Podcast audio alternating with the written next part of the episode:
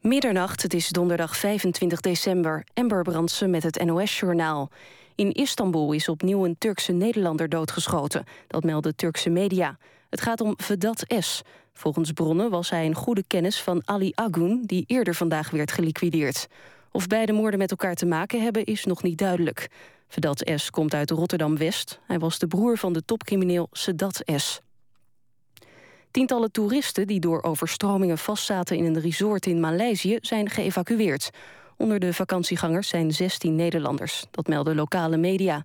Maleisische reddingswerkers hebben de gestrande toeristen met bootjes weggehaald van het vakantieoord.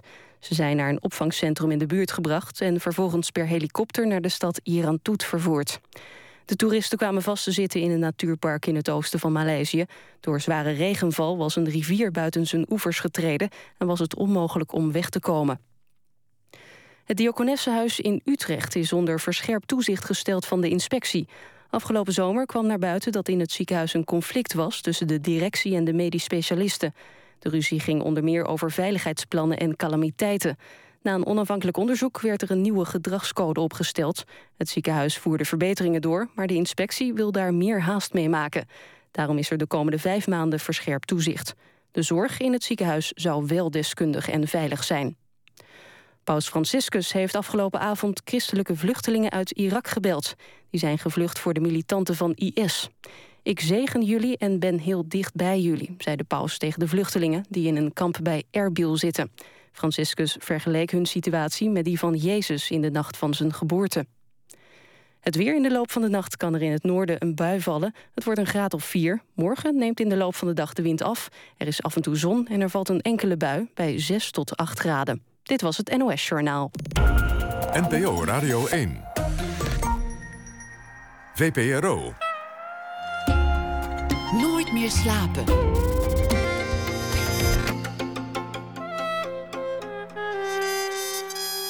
Met Pieter van der Wielen. Goedenacht en welkom bij Nooit meer slapen. Het beste van 2014 behandelen we deze week. En het onderwerp waar de meeste suggesties op binnenkwamen, dat was de muziek. Straks vertelt muzieksamensteller Lotje IJzermans wat de beste platen van 2014 waren. En het kerstverhaal van Walter van den Berg, dat draagt hij voor na één uur. Maar we beginnen met Lodewijk van Oort. Albrecht en wij is de titel van zijn roman. Een roman onder andere over de laatste neushoorn. En over een dierentuin dat het publiek een ervaring wil bieden. Een event. Bedreigde dieren als marketing Tool. Lodewijk van Oort werd geboren in 1977 in Madrid. Hij woonde de eerste jaren van zijn leven in Singapore, in Mexico, in Zwitserland en in Spanje. Studeerde geschiedenis in uh, Leiden en gaf daarna les in Wales. Woonde een tijd in Swaziland en woont nu in de buurt van Trieste in Italië. En Albrecht en wij is zijn eerste roman. Welkom Lodewijk van Oort. Dankjewel.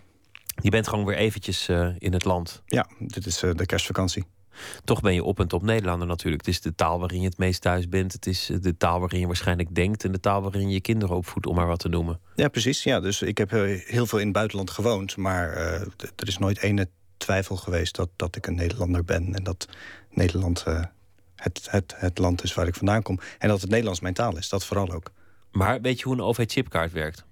Um, inmiddels wel, ja. Maar dat, dat, dat zijn van die dingen, als je dan een tijd niet in Nederland bent... en ze veranderen ineens iets bijvoorbeeld uh, de, de strippenkaart verdwijnt of het zorgstelsel verandert, dan, uh, dan, dan voel ik me soms een beetje een, uh, een immigrant die weer dingen moet gaan leren en hele domme vragen moet stellen.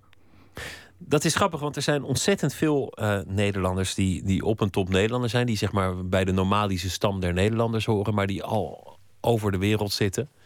En heel vaak werken ze ook in sectoren zoals jouw vader al deed, de bagger bijvoorbeeld. Ja, ja, en, uh, en toen wij in het buitenland woonden, dus toen ik opgroeide in de jaren tachtig, was dat uh, nog heel bijzonder. Uh, dat je in het buitenland woonde en dat als we bijvoorbeeld naar Singapore vlogen, dan, dan had je nog twee tussenstops en dan was je bijna twintig uur onderweg. En nu, nu stap je in het vliegtuig en negen uur later ben je er. Ehm, maar dat is, dat is zeker het geval. En, en dat waren lange reizen. En, en dat was echt heel bijzonder. Nu is het gewoner geworden. De Van Oort-familie is, is een van de, de beroemde baggerbedrijven uit Nederland. Bagger is iets waar Nederlanders uh, wereldwijd onbekend staan en een mhm. leidende marketing of, of marktrol in hebben. En um, de Van Oort is echt, echt een familiebedrijf ook. Ja, dat klopt. Jij stamt ook uit het, uit het baggernest eigenlijk. Uh, ja, dus mijn overgrootvader was een baggeraar. Mijn grootvader was een baggeraar. Mijn vader is een baggeraar. Mijn broer is een baggeraar. Ooms, neven. Uh, allemaal baggeraars. En jij bent historicus? Ja, dat is iemand die, uh, die iets anders moet gaan doen. Nee, er zijn natuurlijk heel veel neven en nichten... en die doen allemaal ook andere dingen. maar ik ben heel iets anders gaan doen. En ik, ik denk dat het al heel, heel vroeg duidelijk was... Dat, dat, dat ik niet in de wieg was gelegd voor de techniek en uh, dat soort dingen. Omdat je gewoon niet, niet zo'n uh, technische jongen was, in die zin meer een alfaatje? Ik was duidelijk een alfaatje en meer geïnteresseerd in toneel en, en, en muziek en kunst. En, uh, en ook de jongste van de familie, dus dan is er al minder druk om een bepaalde kant op te gaan. En dan de jongste mag, mag zelf kiezen. Wat heeft het je meegegeven? zowel het opgroeien in, in een nou ja, familie die een, die een bedrijf heeft en, en het internationaal opgroeien? Uh, ik denk eh, onafhankelijkheid. Uh, ik denk een soort pioniersgeest. Dus altijd kijken van hoe kan het anders en hoe kunnen we iets nieuws doen. Uh, en ook wel ondernemerschap. Hè? Het is echt een ondernemende familie. En met, waarin het idee van als je iets doet, moet je het goed doen. En je moet het creatief doen. En je moet volhouden. En niet te snel opgeven. En als je iets doet, moet je het ook afmaken. Dat soort, uh, dat soort principes zijn, denk ik, met, met de paplepel ingegoten. En, en in de baggersector denk je ook op lange termijn? Omdat het enorme investeringen zijn, gigantische projecten, machines die, uh, die in een zeer lange tijd moet terugverdienen. Dus 30, 40, soms 70 jaar vooruitkijken is, is niet ongewoon. Nee, en het is een, een sector waarin, uh, waarin ontzettend veel, zoals je zegt, heel veel geïnvesteerd moet worden. Waarin je ook niet per se ontzettend snel heel veel geld verdient. Uh, waarin je echt op de lange termijn moet, moet, uh, moet investeren. Uh, ook trouw moet blijven aan, aan, aan, aan, je, aan je principes. Ehm, dus het is heel anders dan, dan de bedrijven waar we in de media soms over lezen... waar snel veel geld wordt verdiend en, en waar alles kan en alles mogelijk is. het is wat dat betreft een, een veel traditionelere industriële sector. Je bent zelf ook internationaal gaan werken in het onderwijs... in een, een soort internationale school, een... een een academie met uh, filialen in vele hoeken van de wereld. Eerst in Wales, toen in Swaziland, Zuid-Afrika en uh, nu in, in Triest. Ja. Dus eigenlijk ben je nu gewoon uh, in de kerstvakantie even je boek ook aan het uh, toelichten. Precies, ja, daar komt het op neer. Ja, dus die scholengroep waar ik voor werk heet United World Colleges. We hebben scholen in 14 landen wereldwijd. Van Maastricht tot en met Swaziland en Canada. waar leerlingen vaak komen om de laatste twee jaar van de middelbare school te doen. En het idee is dat we zoveel mogelijk studenten uit zoveel mogelijk verschillende landen en achtergronden en, uh, en, en contexten bij elkaar proberen te krijgen. Uh, om ze een zo internationaal mogelijke ervaring te geven op een hele jonge leeftijd. En dat is uh, ontzettend boeiend om voor te mogen werken. dus het is gewoon een school, een internationale school met een Engelstalig onderwijsprogramma. Maar daarnaast brengen we de wereld in een dorp bij elkaar om te kijken wat er gebeurt. Dus het is ook een soort experiment in, uh, in uh, kijken wat er gebeurt als je al die diversiteit laat samenleven. In één klas. Laten we het gaan hebben over het, uh, het thema van het boek. Een van de thema's die, die, je beschrijft is eigenlijk de verhouding tussen mens en dier. De, de ja. vermenselijking van het dier. Nou zijn er een aantal dingen aan, aan de hand deze kerst die, die ik interessant vond. Allereerst is natuurlijk de kerstentijd van kerstcircussen en het is het eerste jaar dat, dat er echt sprake is van een verbod op wilde dieren in het circus. Ja, dit jaar mag het nog, geloof dit ik. Dit jaar mag het nog, maar, maar het, ja, het ligt op de loer. Dat, dat is aan het verdwijnen, een, een, ja. een oud vak. Een ander ding dat aan de hand is, is uh, de uitspraak in Argentinië van een rechter die een mensenaap heeft uh, vrijgesproken. Die zei: Ja, dit is zo'n intelligent beest, dit is een persoon. Die mag je dus niet gevangen houden. Ja. Dat is een uitspraak die, als die gevolgd zou worden door anderen, enorme gevolgen zou kunnen hebben.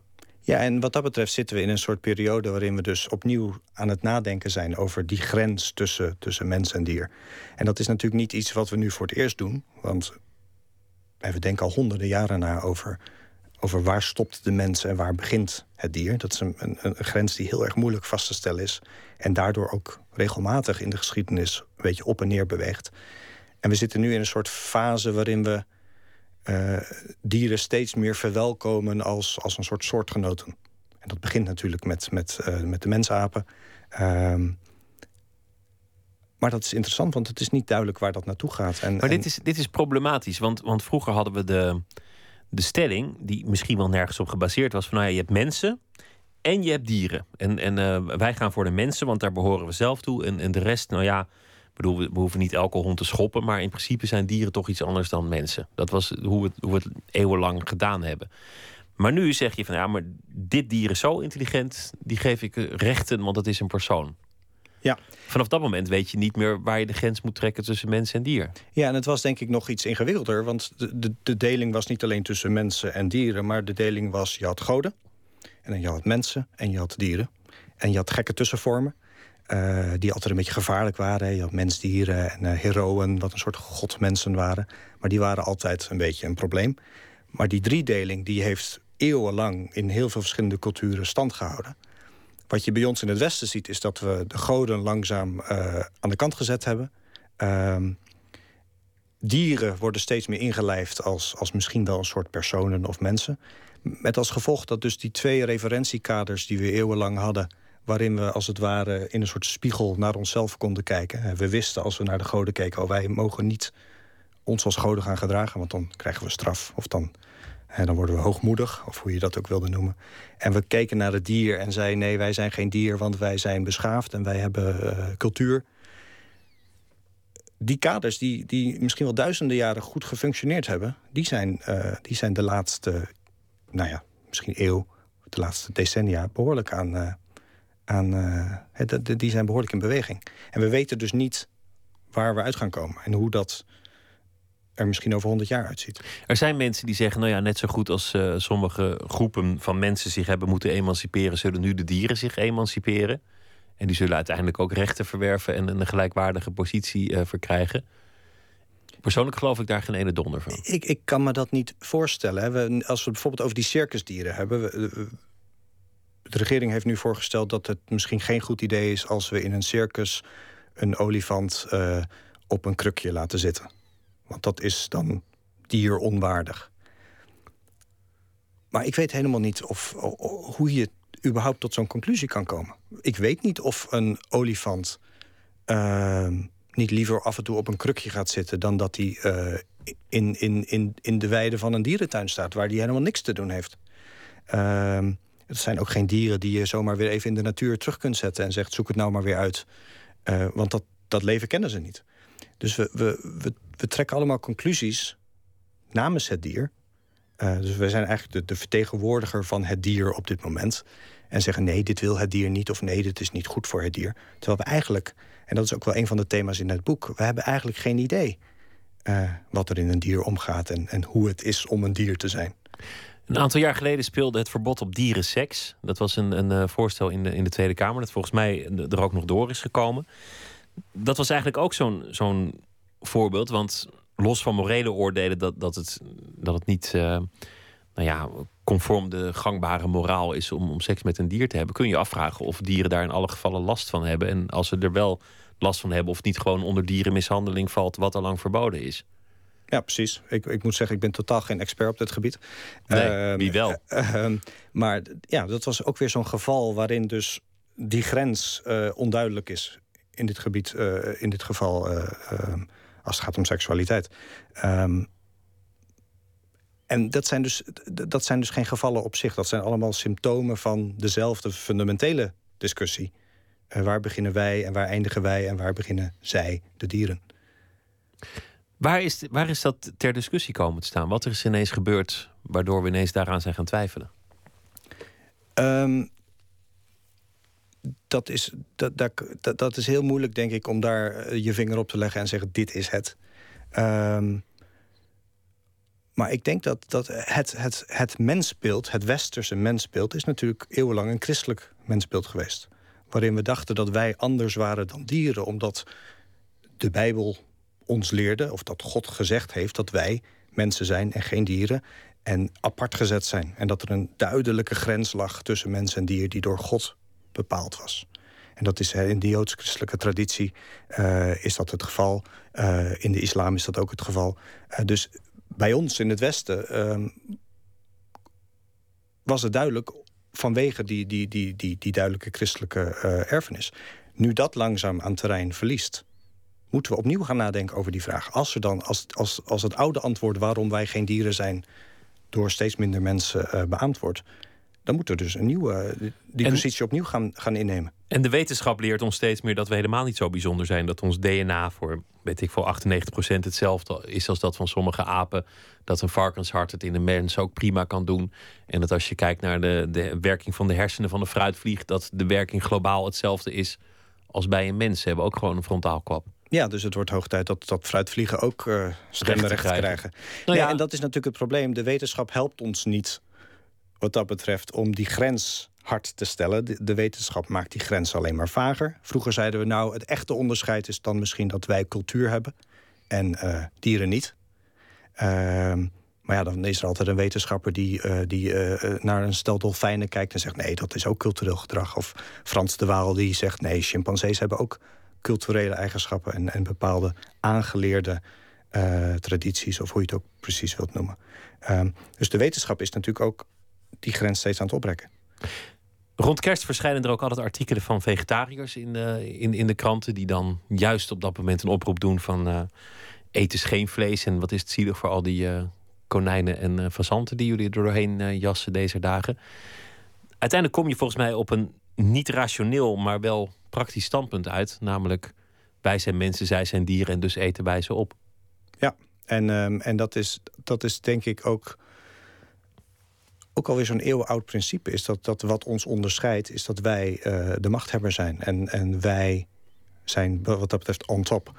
Um, en dat is denk ik eeuwenlang prima geweest. En ook weer als onderdeel van die hele verandering in ons denken worden daar nu vraagtekens bij gezegd. Um, maar als jij zeg maar 300 jaar geleden zou gaan beargumenteren dat dat misschien zielig is voor die konijntjes, uh, dan denk ik niet dat er iemand geweest was die dat had begrepen. Kortom, tegen die achtergrond leek het je leuk om een, uh, een boek te schrijven over uh, bedreigde diersoorten en een noodlijdende dierentuin die een nieuw concept nodig heeft en nieuwe bezoekers uh, moet trekken. We gaan eerst luisteren naar de muziek, want ik zei al, we draaien de beste platen van 2014. Eén die daar zeker tussen moet staan is Sharon Jones uit uh, New York. Sinds jaren en dag samen met de Dap Kings maakt zij soulmuziek. En eigenlijk op de manier zoals ze dat deden in de jaren 60 en 70. De plaat die zij begin van het jaar uitbracht heet Give the People What They Want. En het nummer dat we draaien heet We Get Along.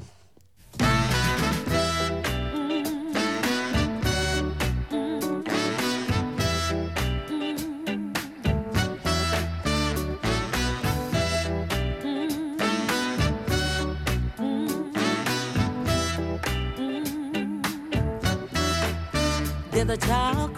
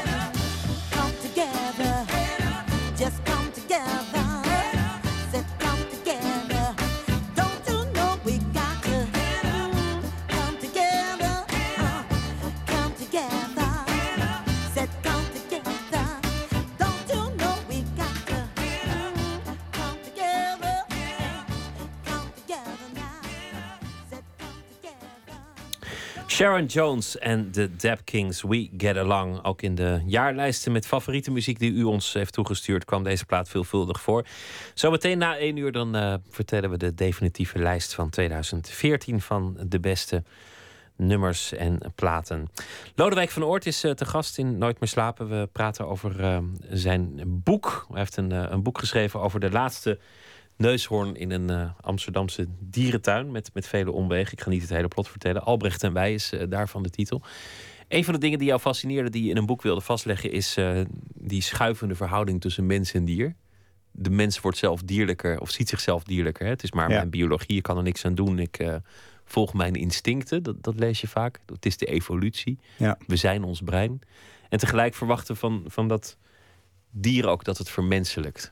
Ja, en, en de dierentuin is natuurlijk de plek bij uitstek uh, waar het, het oude denken nog heerst. Daar is het nog heel erg van wij zijn de mensen.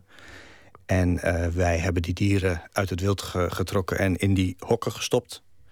Uh, en daarmee laten wij zien dat wij cultureel beschaafde wezens zijn. En wij halen de wereld bij ons naar binnen. En kunnen onze kinderen laten zien hoe de wereld, hoe de natuur, hoe dat, die andere wereld eruit ziet. En daarom zijn dierentuinen interessant, omdat ze eigenlijk nog niet deelnemen aan dat hele nieuwe debat over die verhouding waar we het net over hadden. Um, en, en wat dat betreft is een dierentuin een ontzettende leuke arena om uh, romanpersonages in rond te laten lopen. Die dan over dat soort dingen kunnen nadenken. Het leuke aan de dierentuin is ook dat je dan uh, loopt van Azië naar Afrika in, in, in drie minuten. Je volgt uh, gewoon de stippeltjes. Ja, en wat dat betreft is tussen een dierentuin ook een heel koloniaal uh, een soort wereldtentoonstelling gedachte. Uh, we gaan nu even van de, de neushoorn in Afrika naar de pinguïn in, uh, op de Noordpool. Is het de Noordpool of Alaska? Uh, ja, precies. Wandelingetjes de wereld rond. Ze zijn ook omstreden ge geraakt, de dierentuinen. Eens in de zoveel tijd leidt die discussie op. Dan wel vanuit de politiek, de lokale politiek. Dan wel op de opiniepagina's. Dat mensen zeggen, hou er toch mee op. Dit, dit kan toch niet meer. Of laat die beesten vrij. En in het geval van Artis in Amsterdam, omdat het midden in de stad ligt, is het ook de geluidsoverlast. Mensen die s'nachts wakker worden van het brullen der dieren. Een ja. gegeven dat je ook gebruikt. Ja, ik, ik, vond, ik las dat ergens. Uh, en ik vond dat zo merkwaardig dat je als je dus aan de plantage Middelaan woont, waar al 150 jaar wolven wonen dat je dan echt uh, de dierentuin ochtends gaat bellen en gaat zeggen: Ja, uh, we hadden weer last van dat gejank van die uh, beesten. Kan je niet tegen de wolf zeggen dat hij wat rustiger ja, aandoet? Precies, of kan je, dus eigenlijk zeg je dan: die wolf is ook gewoon een buurtgenoot en die moet zich ook gedragen. Want wij hebben daar hier in het, in het deftig Amsterdam regels over voor. En, en die wolf die houdt zich daar niet aan. Dus dat is, ik vond het zo'n leuk gegeven dat ik dat ook maar in het boek gestopt heb. Er is ook iets veranderd in, in, uh, in de dierentuinen. Dat ze zich steeds meer zijn gaan um, ontwikkelen tot onderzoeksinstituten. Dat ze zich ook bezighouden met het conserveren van uitstervende diersoorten. Dat ze zich richten op het voortplanten van diersoorten die dat moeilijk doen door omstandigheden. Ja, nou, ik denk dat de dierentuin zich. Uh, de, de, de, stadsdierentuin zoals Artis en, en zoals er heel veel zijn, die bestaat ongeveer 150, 200 jaar. Ehm, en heeft zich in de loop van die tijd steeds op andere wijze moeten rechtvaardigen. En, en de huidige rechtvaardiging voor het bestaan van dierentuinen is educatie. En wij laten jongeren zien hoe die dieren eruit zien. Op een manier uh, die televisie niet kan. Hè, want de meeste jonge kinderen hebben al vanaf dat ze heel klein zijn op televisie al die wilde dieren gezien. Maar om ze van dichtbij te zien en om ze te ruiken, dat is, dat is wat de dierentuin kan doen. Uh, en natuurlijk het idee van, van behoud. Dat je door, door middel van, uh, van, van genenpools en fokprogramma's kan bijdragen aan het behoud van die, uh, van die soorten. En dat zijn de argumenten die momenteel gebruikt worden. Tegen beide argumenten valt een hoop in te brengen. Uh, maar daarmee houdt de dierentuin het vooralsnog uh, vol. Het wonderlijkste verhaal is, is alweer een aantal jaren geleden... was natuurlijk het verhaal van Bokito in, uh, in Rotterdam. De, ja de gorilla die ontsnapte om een, om een bezoeker een, een lesje te leren. Ja. Ofthans, het is nog onduidelijk of hij aan het flirten was of, of spelen of dat hij, dat hij wilde straffen. Maar die, die vrouw kwam elke dag en trok gezichten naar haar aap. Want, want zij had een, een soort verhouding met, met, met die aap. Wat ook al weer aangeeft dat die, dat die grens tussen mens en dier soms wankel is. Ja, en, en, en dat interpreteren we dan weer zo. Alsof die gorilla een relatie aan het ontwikkelen was met die dame. Ehm, maar dat weten we dus ook niet precies. Hè. De, het lijkt wel zo te zijn dat gorilla's, als je ze in de ogen kijkt, dat ze dat juist als een, als een aanval eh, eh, opvatten. En dus gaan vechten. Ehm, maar dat zijn ook allemaal weer interpretaties waar, waar, waar een hoop onderzoek naar gedaan wordt. Maar waarbij je waarschijnlijk nooit echt kan zeggen: dit is de reden waarom, eh, waarom een gorilla dat doet. Nee, maar dat is wel interessant. Dit is de reden dat een gorilla dat doet. Want dan, dan suggereer je bijna dat de gorilla ofwel een keuze heeft, ofwel dat hij normaal ander gedrag zou vertonen. Er is ook een orka geweest in, in Florida, die een van zijn verzorgers heeft doodgebeten. Ja. Toen, toen werd gezegd, normaal doet hij dit nooit. Het is eigenlijk een hele lieve orka. Wa- waarschijnlijk is er, is er toch iets gebeurd dat hem getraumatiseerd heeft. En toen zeiden een aantal gedragsbiologen van ja, wacht eens even, het is gewoon een, een wild roofdier. Ja. Die als hij de kans krijgt dat gewoon doet. Ja. Houd toch op. Ja, nee, precies. En dat is dus het interessante weer dat ja, een lieve orka, eh, dat zou dan de eerste lieve orka zijn volgens mij. Want als ik orka's in natuurfilms zie, dan, dan scheuren ze met z'n tienen een, eh, een walvis aan flarden. Killer whales, Eh, ja, ja. precies. Hè? Dat is hoe ze ook heten. Dus, dus, maar ja, die orka die we al zo lang hebben in ons aquarium, die, daar zijn we wel ook een beetje van gaan houden. Dus dan zeggen wij, dit is een lieve orka. Totdat hij dus inderdaad zijn verzorger eh, te grazen neemt. Dan stukken scheurt. In dit geval eh, moet de dierentuin eh, in jouw boek nieuwe bezoekers trekken. En dan kom je eigenlijk bij iets anders, namelijk het veranderen van het concept van een dierentuin. Maar we zouden het hier ook kunnen hebben over een, een, een circus of over een speeltuin of over eh, nou, zelfs, zelfs een onderwijsinstelling, zo je wilt. Het moet een evenement worden. Ja. Het moet entertainment worden. Dat is het nieuwste van het nieuwste.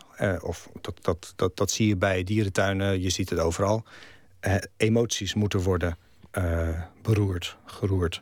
Eh, mensen moeten niet alleen maar kijken en zo'n dier in een hok zijn, zien... maar mensen moeten het idee hebben dat ze en voelen dat ze in Afrika zijn. En het is ook niet meer zo dat die dieren bij ons in Amsterdam zijn... eh, in de dierentuin, maar nee, wij, zodra we die dierentuin binnenkomen... zijn bij hun. Ze creëren dit, dit, nou, eigenlijk de fabel dat wij op bezoek zijn bij de olifant. Terwijl die olifant natuurlijk gewoon bij ons in de stad staat. Eh, dus de, de, de, ervaring wordt zo gemanipuleerd, want het is uiteindelijk allemaal manipulatie op een hele goede, creatieve, slimme manier. Ehm, waarop, waarop het, de, de, de indruk wordt gewekt dat wij eh, eigenlijk op safari zijn, dat wij in Afrika zijn.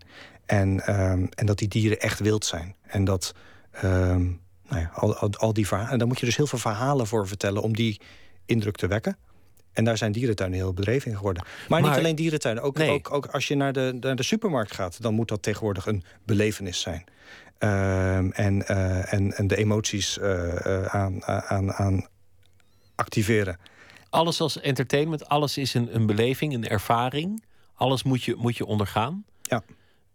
Waar vind je dat nog meer? Noem nog eens voorbeelden. Nou, in de bioscoop vroeger gingen we naar een film en dan keken we een film. En tegenwoordig hebben we een 3D-experience. Ehm, het zwemparadijs. Vroeger ging je zwemmen. Tegenwoordig hebben we een, een waterervaring. Ehm, het woord ervaring of experience wordt tegenwoordig volgens mij overal aangeplakt. Maar dat duidt eigenlijk op iets heel passiefs. Namelijk zwemmen is een handeling. Dan ben je, ben je bezig met je lichaam om jezelf vooruit te spartelen in een natte omgeving. Terwijl als je het een zwemervaring noemt, of, of, of een subtropische. Nou ja, dat is trouwens al heel lang, die subtropische zwemparadijzen, maar vooruit. Ja. Dan, dan is het een passieve ervaring. Dan word jij geëntertained. ja, en dat is het precies. We worden geëntertained. En, ehm, en dat willen we graag, geëntertained worden. Maar is het hele leven niet gewoon één entertainment circus dat je ondergaat? Ehm, dat, dat lijkt me niet, nee. Ehm, dat hoop ik niet. Ik, ik, ik hoop niet dat ik aan het eind van mijn leven denk van... Ik ben geëntertained. ik heb me kostelijk vermaakt. Ik ben vermaakt. Ik ben vermaakt, ja. Ik heb het allemaal ondergaan en, eh, en, en, en nu kan het licht uit. Nou ja, je moet alles meemaken, je moet dingen zien, je moet, moet dingen ervaren. En, en eigenlijk zijn al die ervaringen vermarkt. Die zijn al kant-en-klaar in de folder gezet voor jou. Een safari is, is iets waar je gewoon op intekent. Je zet je naam neer, je betaalt en jij hebt een safari. Of een, eh, of een tocht naar de Zuidpool. Of een, eh een bergbeklim eh, ervaring. Ja, en degene die het organiseert, die maakt het verder ook niks uit... of jij degene bent die die ervaring ondergaat of een ander... als er maar betaald wordt. Ehm, maar dat is dus een hele passieve, hele passieve levenshouding. Hoe En- zou je het liever zien? Nou, ik zou, ik, ik, ik zou toch het een mooi idee vinden dat ik eh, keuzes heb en dat ik individuele keuzes kan maken. En dat ik ook keuzes kan maken die niet al door marketingconcepten zijn, uh, voor mij zijn neergelegd. Dat ik misschien een vrije wil heb en dat ik daarmee dingen ook anders kan doen. Of zelf initiatieven kan, kan ontplooien. Of misschien iets kan doen waar geen markt voor is. Of dat ik iets waardevol kan vinden waar geen prijskaartje aan hangt. Ehm, ik denk dat dat echt waardevol is. Vandaar ook dat je in je boek uh, de, de neushoorn laat uitsterven op één exemplaar na. En dat ene exemplaar is dan aangekocht door degene die Artis weer in de markt wil zetten. Ja. En dan is dus de laatste neushoorn in plaats van uniek erfgoed of, of een bijzonder beest of wat dan ook, is gewoon een marketingtroef geworden. Ja, dat wordt een, een, een, eh, een unique selling point, want het is de laatste en die heeft dus een bepaalde waarde. Net zoals er maar één nachtwacht is en die is dus ook heel veel waard. En die, die directeur, Edo Morel heet hij, die, die wil dus. Uh, zijn idee is: je haalt dieren naar de dierentuin om ze daar voor het oog van de wereld te laten uitsterven. Um, want dat is hoe de natuur functioneert. Dat de dynamiek van de mhm. natuur is dat soorten komen, soorten gaan. En dat moet je laten zien. En zodra hij dus die laatste neushoorn in handen heeft, denkt hij: nu heb ik de ultieme troef. Want iedereen wil dat dier nog zien. Iedereen wil later tegen zijn kinderen kunnen zeggen: Ik heb hem nog gezien, de laatste neushoorn. En hij wil dat mogelijk maken. Dus hij wil dat vermarkten, waarmee hij dus geld hoopt te verdienen. Maar ook dat uitsterven van die laatste neushoorn, daar dus die experience van maken. Dat is eigenlijk precies wat je, wat je net bedoelt van ik, ik wil ervaringen die niet vermarkt zijn. Ik wil dingen die niet in geld zijn uit te drukken. Ik wil dat iets gewoon waarde heeft zonder dat er meteen een prijskaartje aan hangt. Ja, maar zoals Edo Morel het ziet, kan je daar dus wel een prijskaartje aan hangen. Want je kan mensen kaartjes verkopen en zeggen: jij kan nog één keer de laatste neushoorn zien. Uh, net zoals je naar de Rolling Stones kunt gaan. Uh, en dat kost zoveel. Uh, dus hij hangt daar juist wel een prijskaartje aan, want hij is de, de manager die, die, uh, die verantwoordelijk is voor het vermarkten. Dat is eigenlijk een, een, een zwak punt van een vrije markteconomie dat heel veel dingen niet in waarde uit te drukken zijn die het wel hebben. De, de waarde van een bos is moeilijk uit te rekenen, bijvoorbeeld. De, de, ik denk dat de zwakte van onze, van onze manier van denken is dat we dus geen andere mechanisme hebben om waarde te duiden, behalve een, een financiële.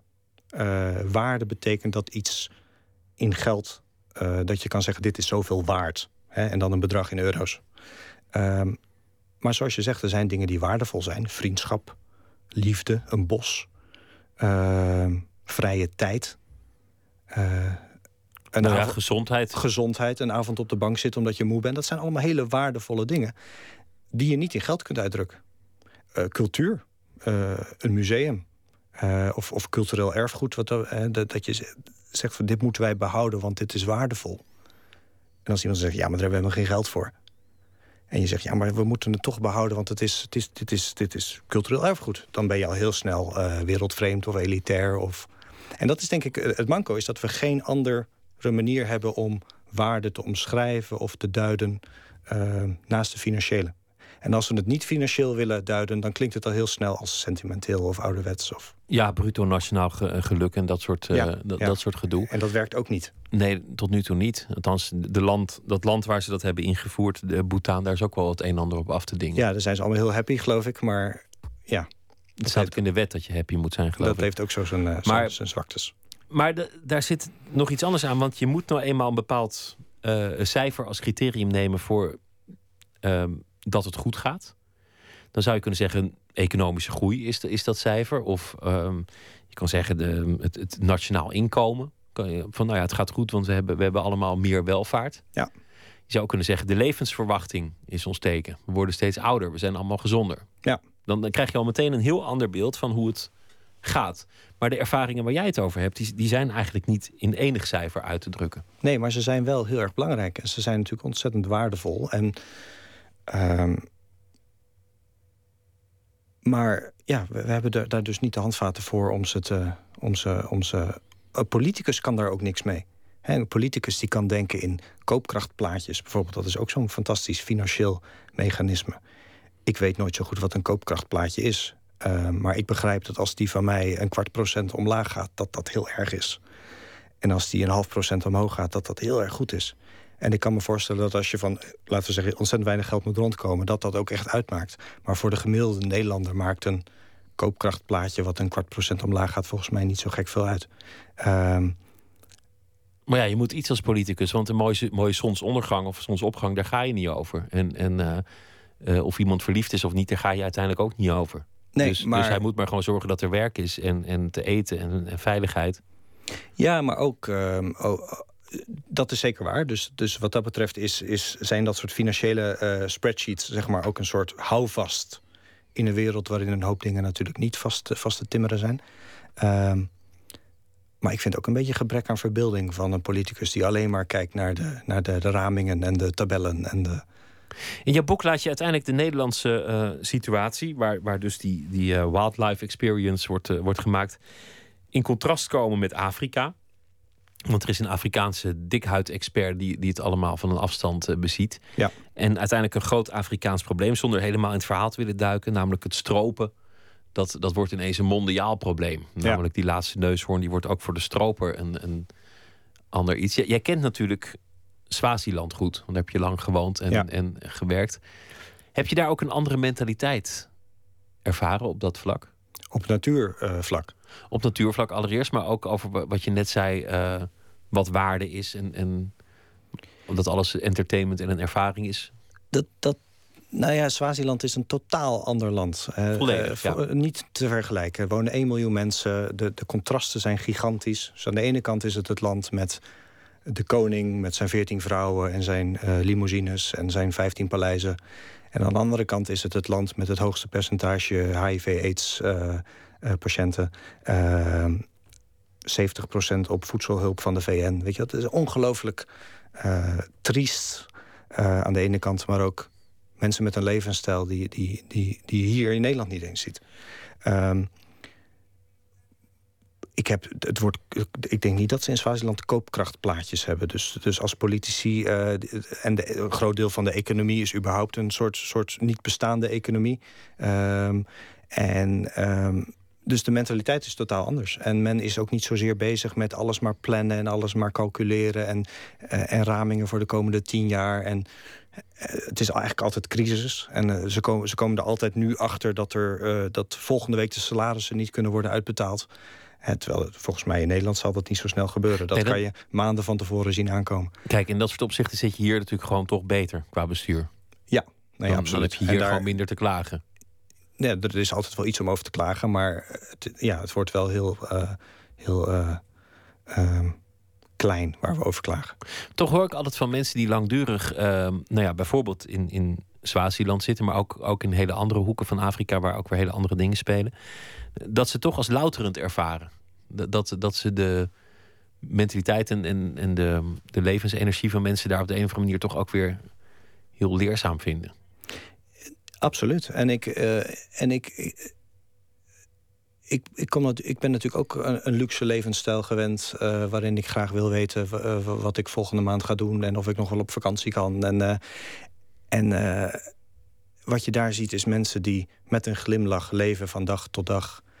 En vaak net genoeg geld hebben om rond te kunnen komen. Maar ook maar net. Dus als er iets gebeurt wat ze niet verwacht hadden. Het dak stort in of iemand wordt ziek dan ineens is er geen geld en is er, zijn er grote problemen.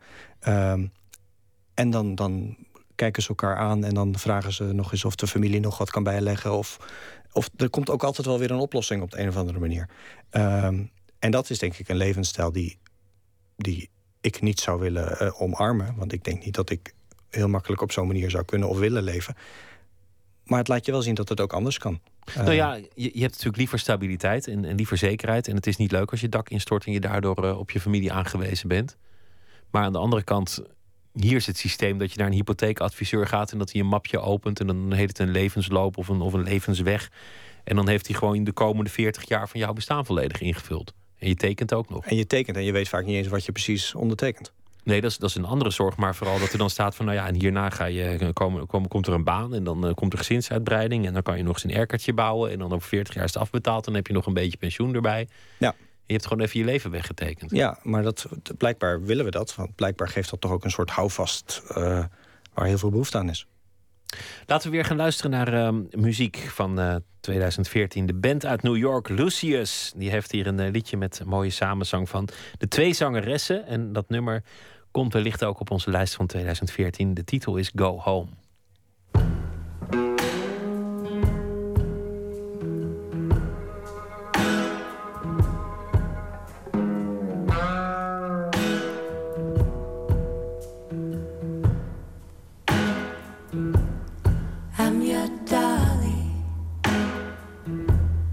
Stuffed with extra baggage.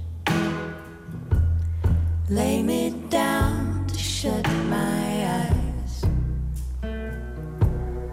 Beaded gazes lead you nowhere, anyways. Press on my heart, I will say. Press on my heart, I will say.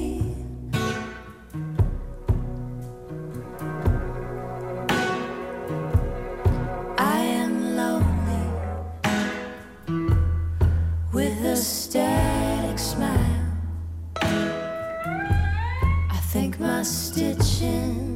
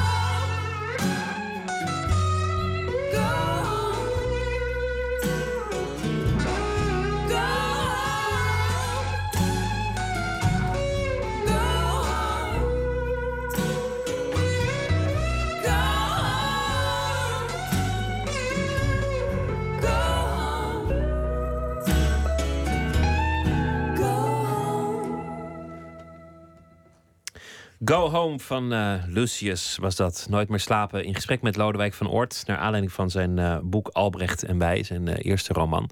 Je woont nu in de buurt van Triest, Noordoost-Italië. Ja. Tegen Slovenië aan, zo'n beetje. Daarvoor woonde je in Swaziland, toch een aantal jaren. En daarvoor in Wales. Daarvoor een hele tijd gewoon in Nederland. Maar ook eigenlijk een jeugd internationaal gehad in, in heel veel hoeken. Ja. Lees je nog elke dag de Nederlandse kranten en volg je nog het nieuws? Ik volg het, eh, ja, ik volg het wel. Ehm, niet altijd. Ik, ik probeer wel eens een paar dagen te laat te zijn. Eh, omdat een hoop nieuws eigenlijk een dag later al geen nieuws meer is. Ehm, dus eh, weet je wel, de, de ene politicus die iets tegen de ander zegt... en dan is die beledigd en dan de volgende dag leggen ze het weer bij. Dat soort dagelijkse dingen probeer ik niet bij te houden. Maar wel de grote ontwikkelingen. En, en, en, en, eh, dus ik heb gewoon online kranten en ik, eh, ik volg het zo goed als ik kan. Bekijk je het anders wanneer ehm, je eigenlijk voor, voor heel veel van je dagelijkse bureaucratie aangewezen bent op een ander land? Dus als jij eh, een visvergunning aan moet vragen, dan, dan hoef je dat niet op het postkantoor in Nederland te doen. Of het stadhuis of waar je dat ook doet. Dus, dus in heel veel dagelijkse dingen ben je eigenlijk losgezongen van Nederland. En het gesprek bij, bij de koffiemachine mis je ook, want dat gaat over hele andere dingen. Kijk je dan anders tegen die actualiteiten aan? Ja, nou, ik denk het wel. Ik, de, rol van iemand die een beetje aan de zijkant staat. En eh, weet je wel, je bent op een feestje. Maar het is niet helemaal jouw feestje meer. Maar je bent wel uitgenodigd en je hoort er wel bij. En je staat een beetje aan de kant te kijken. Eh, en, en heb daar vrede mee. Je vindt dat eigenlijk wel fijn om dat zo te doen. Dat is een beetje de rol eh, die- die ik. Die ik die me wel bevalt. Dus zo zie ik mezelf ook in Nederland, zeg maar. Ik sta aan de zijkant, ik zie het allemaal gebeuren. Ik ben een Nederlander, dus ik hoor erbij. Maar ik ben ook al vrij lang weg. Ehm, En wat zie je op een afstand? Zie je dan eh, een, een land waar eigenlijk alles wel goed gaat en mensen af en toe een beetje klagen, maar dingen goed geregeld zijn? Of, of zie je juist een, een turbulente tijd en, en een land dat zichzelf opnieuw uitvindt? ik zie, eh, het is natuurlijk een verschrikkelijk welvarend land... waarin, waar eigenlijk alles ontzettend goed geregeld is. Vergeleken met Swaziland. Vergeleken met welk land ook. Ja. Ehm, zelfs vergeleken met Italië. ehm, wat ook een ontzettend rijk land is... waarin redelijk wat dingen goed geregeld zijn. Maar ook een dorp waarin, eh, waarin eh, we ons ontzettend opwinden over... Om, misschien winden we ons wel op omdat er eigenlijk niks op het spel staat. Want we zijn zo welvarend en alles is goed geregeld. Dus winden we ons op. Ehm, en we maken ons druk over ik vond bijvoorbeeld die hele Bulgaren kwestie die we vorig jaar hadden, waarin we, als wij ons als dorp, als we bang worden voor mensen uit het dorp verderop, want Bulgarije is gewoon het volgende dorp op de, op de wereldkaart, ehm, dan wordt het wel heel lastig om, om, eh, om de rest van de wereld ook nog eh, eh, aan te kunnen, zeg maar. En de wereld is natuurlijk snel aan het veranderen en Nederland eh, heeft nog niet helemaal uitgevogeld hoe hoe we daarmee om moeten gaan. Wel of niet met Europa, of alleen, of met Amerika. Weet je, we weten het nog niet zo goed. Nou ja, er zijn natuurlijk ook best wel dingen ge- eh, eh, gebeurd of, of net niet gebeurd. Ik bedoel, er, er was toch een moment dat je ergens in je achterhoofd had van... goh, er kan zomaar een aankondiging komen dat, dat de euro weer wordt teruggedraaid... En, en dat je iets anders moet gaan pinnen. Ja. Die draaiboeken lagen klaar. Dat, dat is later ook toegegeven. Ja, ja. Nee, dus dat dus is, in die zin zijn de veranderingen ook best groot. Ja, en, de, de- en, er wordt, en, en we zitten natuurlijk in een ontzettend complexe wereld... waarin eh, Duitse investeringen in Griekse pensioenfondsen bepalen... eh, waar ons geld heen gaat. En dat is natuurlijk ook heel complex. Ehm, maar om daar op een, op een bangige, afwachtende manier mee om te gaan... is denk ik niet zo verstandig. Ik denk dat mensen in alle tijden van de geschiedenis... nou ja, jij bent eh, historicus, alle tijden bang zijn geweest. En dat je in elke tijd ook wel iets vindt om bang voor te zijn. En dat ook al die angsten uiteindelijk in iedere tijd ook wel uitkomen. Ja. Maar dan ben je toch maar een heel leven bang geweest. Ja, ja. en dat, dat is waarschijnlijk in de praktijk voor veel mensen zo. Ehm, maar of dat een gegeven is en of je daar misschien ook geen keuzes in kan maken, dat, dat, dat betwijfel ik. Je had het net over eh, dat, dat alles een, een evenement wordt. Dat alles eigenlijk in een soort entertainmentmal wordt eh, gegoten.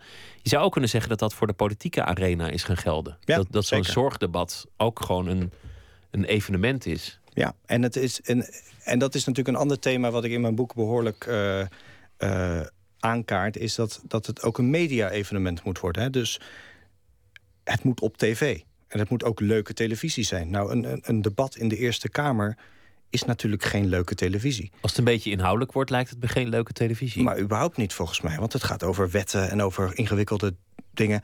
Ehm, maar het moet op tv en we kijken ernaar, dus we maken er entertainment van. Dus we gaan woorden gebruiken als, eh, als dissidenten en crisis en bez- eh, wordt de crisis bezworen. En erg op emotie. Hij, hij keek boos, hij schijnt geschreeuwd te hebben. ehm, hij was eh, kort af. Ja, en, eh, eh, in een kille sfeer. We, we, we horen dat er waarschijnlijk iemand met zijn vuist op tafel sloeg.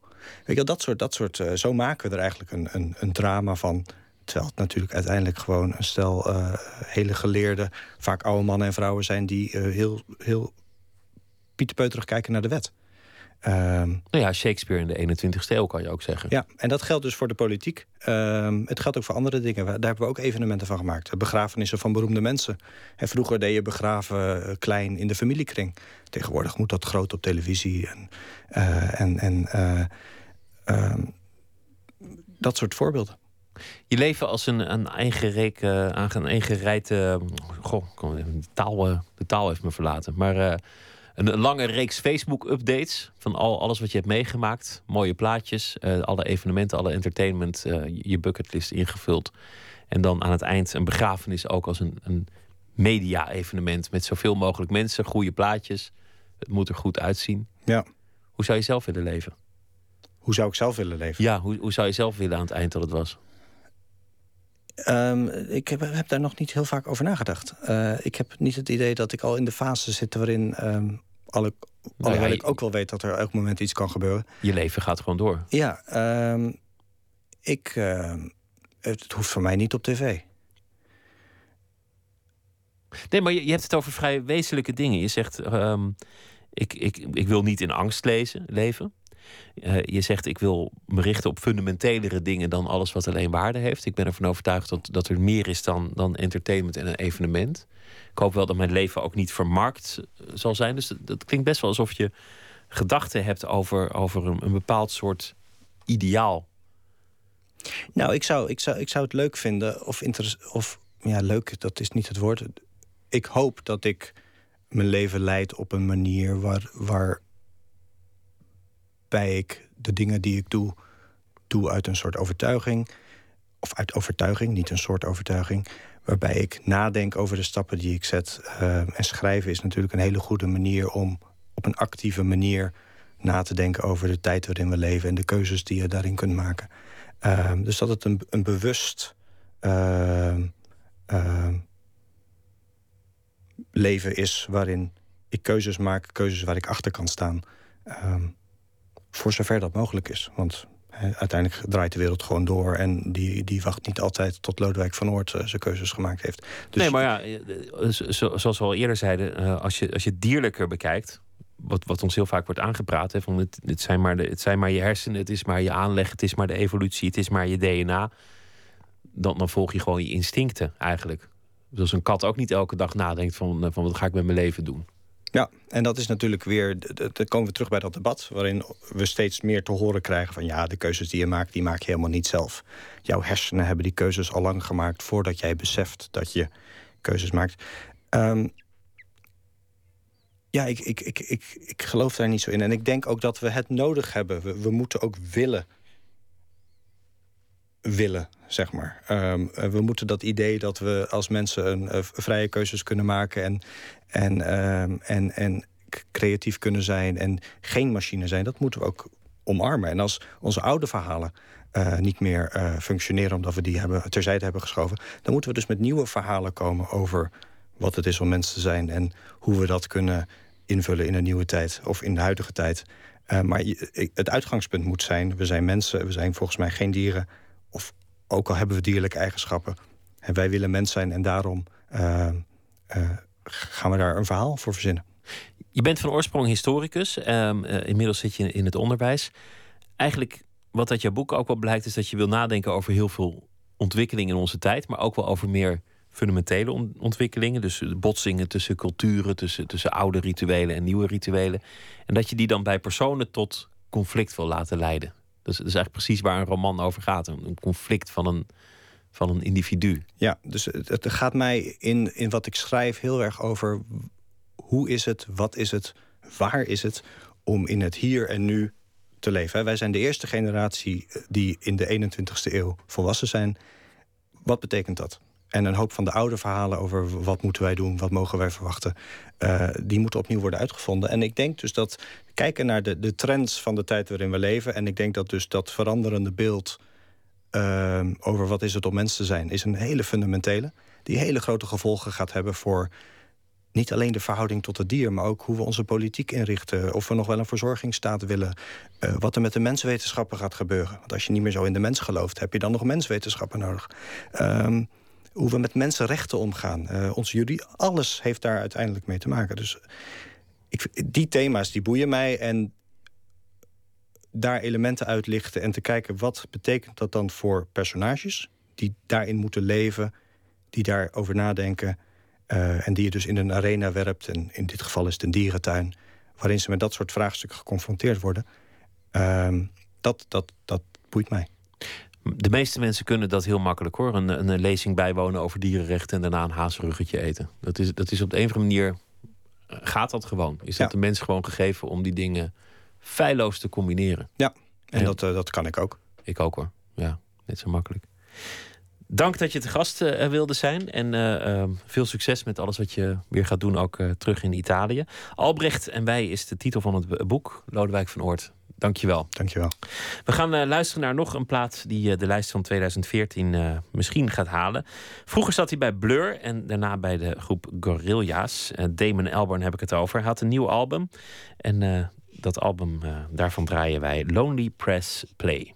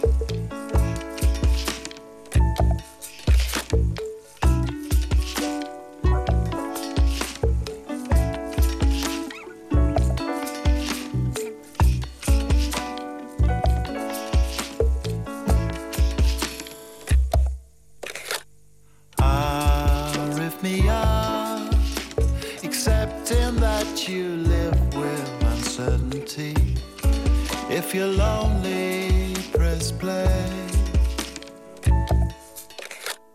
Dilated time, the aspects that you pass on while traveling. When you're lonely, press play. Cause you're not resolved in your heart. You're waiting for me to improve.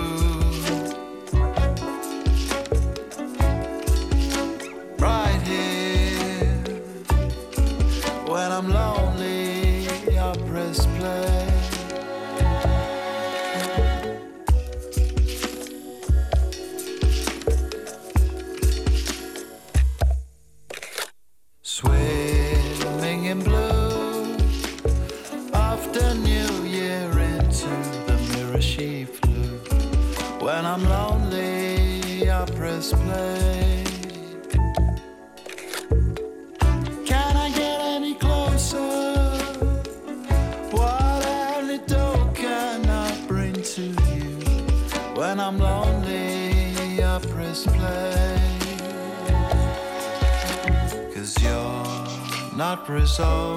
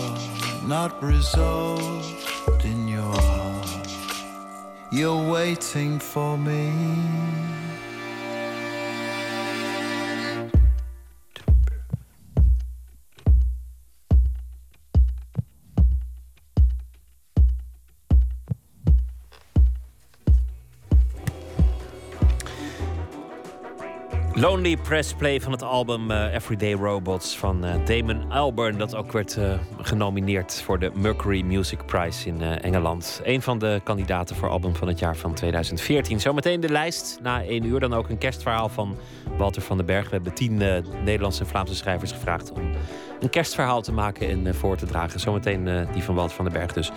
Twitter, het VPRO NMS of via de mail nooitmeerslapen, vpro.nl.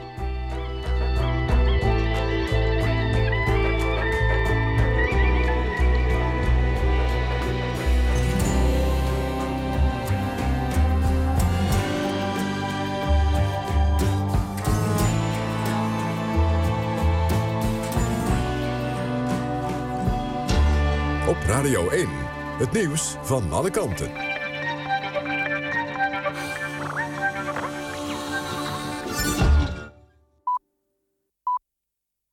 1 uur, Ember Brandsen met het NOS-journaal. In Istanbul is gisteravond opnieuw een Turkse Nederlander doodgeschoten. Dat melden Turkse media.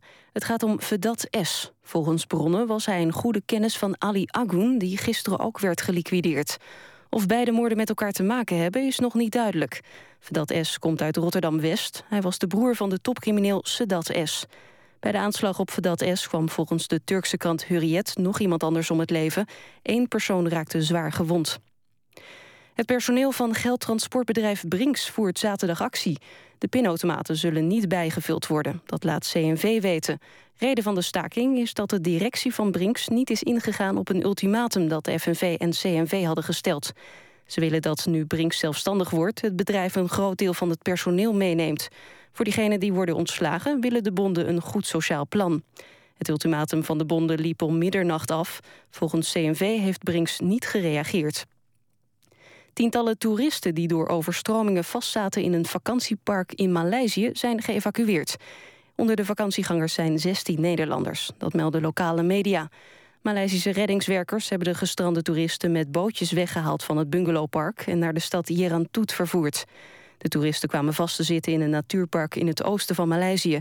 Door zware regenval was een rivier buiten zijn oevers getreden en was het onmogelijk om weg te komen. Het Diakonessenhuis in Utrecht is onder verscherpt toezicht gesteld van de inspectie. Afgelopen zomer kwam naar buiten dat in het ziekenhuis een conflict was tussen de directie en de medisch specialisten. Er werd een nieuwe gedragscode opgesteld. Het ziekenhuis voerde verbeteringen door, maar de inspectie wil daar meer haast mee maken. Daarom is er de komende vijf maanden verscherpt toezicht. De zorg in het ziekenhuis zou wel deskundig en veilig zijn. Het weer vannacht kan er in het noorden een bui vallen. Het is een graad of 4. Komende dag neemt de wind af. Er is af en toe zon en er valt een enkele bui bij 6 tot 8 graden. Dit was het NOS Journaal. NPO Radio 1. VPRO. Nooit meer slapen.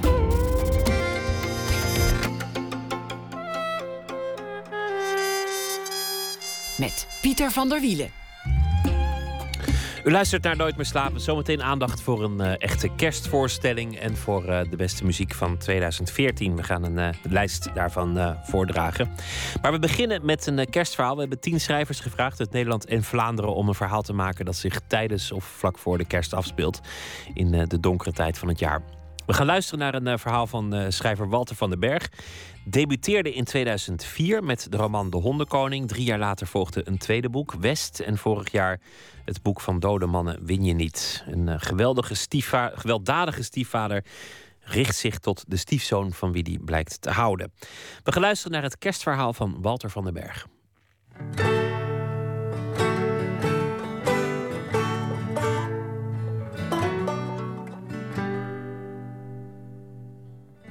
Doosje van witte mo.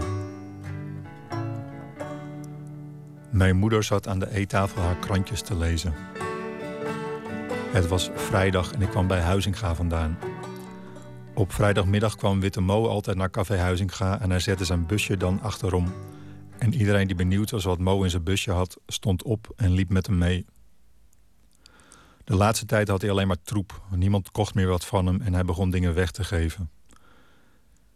Hij had mij een doosje in mijn handen geduwd en om hem te pesten keek ik er niet eens in. Ik had het op de achterbank van mijn auto gegooid. En daarna was ik nog wat gaan drinken.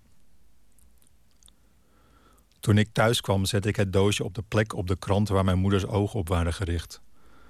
Ze reageerde niet, er veranderde alleen iets in haar houding. Een verrassing, zei ik. Haar schouders stonden strak. Pak het uit dan, zei ik. Ik wil het niet uitpakken, zei zij. Waarom wil je het nou niet uitpakken? Misschien zit er wel iets heel moois in. Wat zit erin dan? vroeg ze. Weet ik niet, zei ik. Wat zit erin? Ik weet het niet. Ik wil het niet, haal het weg, zei ze. Haal het weg, alsjeblieft. Ik pakte het doosje en gooide het op de bank. Ik liep naar de keuken en pakte twee Tupperware bakjes uit de vriezer. Ik zette haar bord op haar krant en ze keek er even naar voor ze haar vork pakte. Ik ging op de bank zitten en ik zette de tv aan op kanaal 4, RTL Boulevard. Er lagen kerstballen en groene takken op de tafel waar Albert Verlinde achter zat. Toen ik mijn bord half leeg had, keek ik naar het doosje. Het lag rechts naast me. Ik zette mijn bord op de salontafel en met de steel van de vork ritste ik het bruine plakbandstuk. Er zaten een paar duizend nep strippenkaarten in het doosje. De strippenkaart was afgeschaft. Geen wonder dat Moze voor niks meegaf. Ik had mijn bord leeg en zette het doosje weer voor mijn moeder neer. Kan jij dit even voor me uitzoeken? vroeg ik. Ze keek in het doosje. Alles? vroeg ze. Alles, zei ik. Ze begon een beetje naar voren en naar achteren te wiegen. Ik waste af, zette de afwas in het droogrek en vroeg mijn moeder of ze naar de wc moest. Er lagen een stuk of twintig stapeltjes nepstrippenkaarten op haar krant. Nee, zei ze, nee, ik kan nu niet. Het lukt niet, zei ze. Wat lukt niet? Ik krijg ze niet gesorteerd, zei ze. Waar sorteer je ze op dan? Er is niks om ze op te sorteren. Ik zei dat het dan misschien wel één stapel was. Ze schudde haar hoofd. Dat kan niet. Ik zei dat ze morgen misschien nog even naar moest kijken dan. Ik tilde haar op en bracht haar naar de wc. Ik zei dat ik vandaag graag wilde dat ze zelf haar broek naar beneden deed en zichzelf schoon zou vegen. Ze zei dat ze het zou proberen. Toen mijn moeder in bed lag, zette ik kruisjes, rondjes en driehoekjes op de hoekjes van de strippenkaarten. Toen ik klaar was, schoof ik ze door elkaar op het tafelblad zoals een kind een spel kaarten schudt. En ik gooide ze terug in het doosje. Daarna keek ik televisie. Het was twee uur s'nachts. Er was reclame voor sekslijnen. Meisjes die hun borsten lieten zien.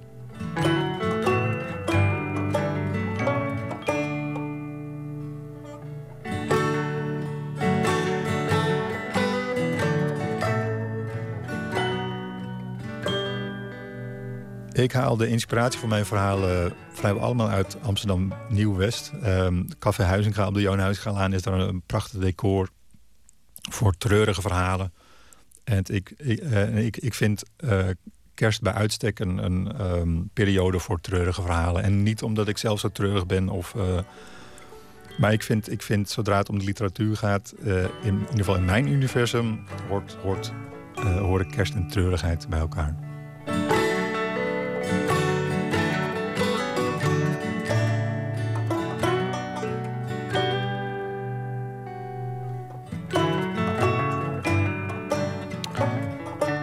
Een doosje van Witte Mo, het kerstverhaal van Walter van den Berg. Allemaal terug te lezen, de kerstverhalen, via de boekensite van de VPRO, vpro.nl slash boeken. Morgen weer een kerstverhaal, dan uh, geschreven en voorgedragen door uh, de Vlaamse schrijver Saskia de Koster. Een van de verrassingen dit jaar was een Ethiopisch-Noorse zangeres, Mirel Wagner. Ze maakte een plaat met schijnbaar lieve liedjes vol moord en doodslag. De titel daarvan was When the Sadder Children See the Light of Day. Die plaats die kwam terecht op het uh, lijstje van Hans de Vries, die ons een mail stuurde. Op dat lijstje stonden verder ook de Eindhovense zangeres Sharon Kovacs en de Zweedse zusjes van First Aid Kit. Hij krijgt uh, van ons een dankbon toegestuurd. En we draaien hier de nummer 2 van zijn lijstje, Mirel Wagner met The Devil's Tongue.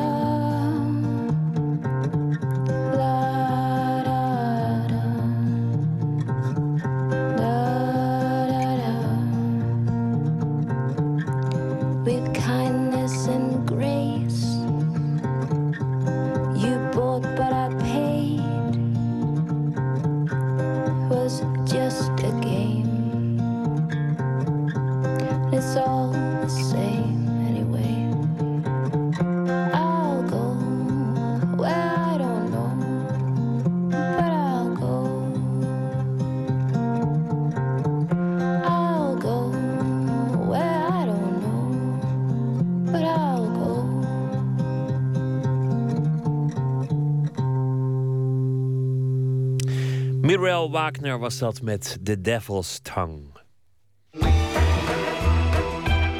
Nooit meer slapen. Ja, een echte kerstvoorstelling. Kerst met Kaak XL. Dat is eh, de titel van de, de voorstelling van het Amsterdamse muziektheatergezelschap Circus Treurdier. De voorstelling is een aaneenschakeling van melancholische liedjes en absurdistische sketches. Sinds de oprichting van Circus Treurdier in 2008 maakt het gezelschap ieder jaar een speciale voorstelling rond de kerst. Bijtske de Jong, die bezocht de try-out, sprak al daar met oprichter Thomas Spijkerman en met regisseur Joost van Heesik. Onder andere over dat wat het muziektheatergezelschap zelf heeft met de kerstdagen. Met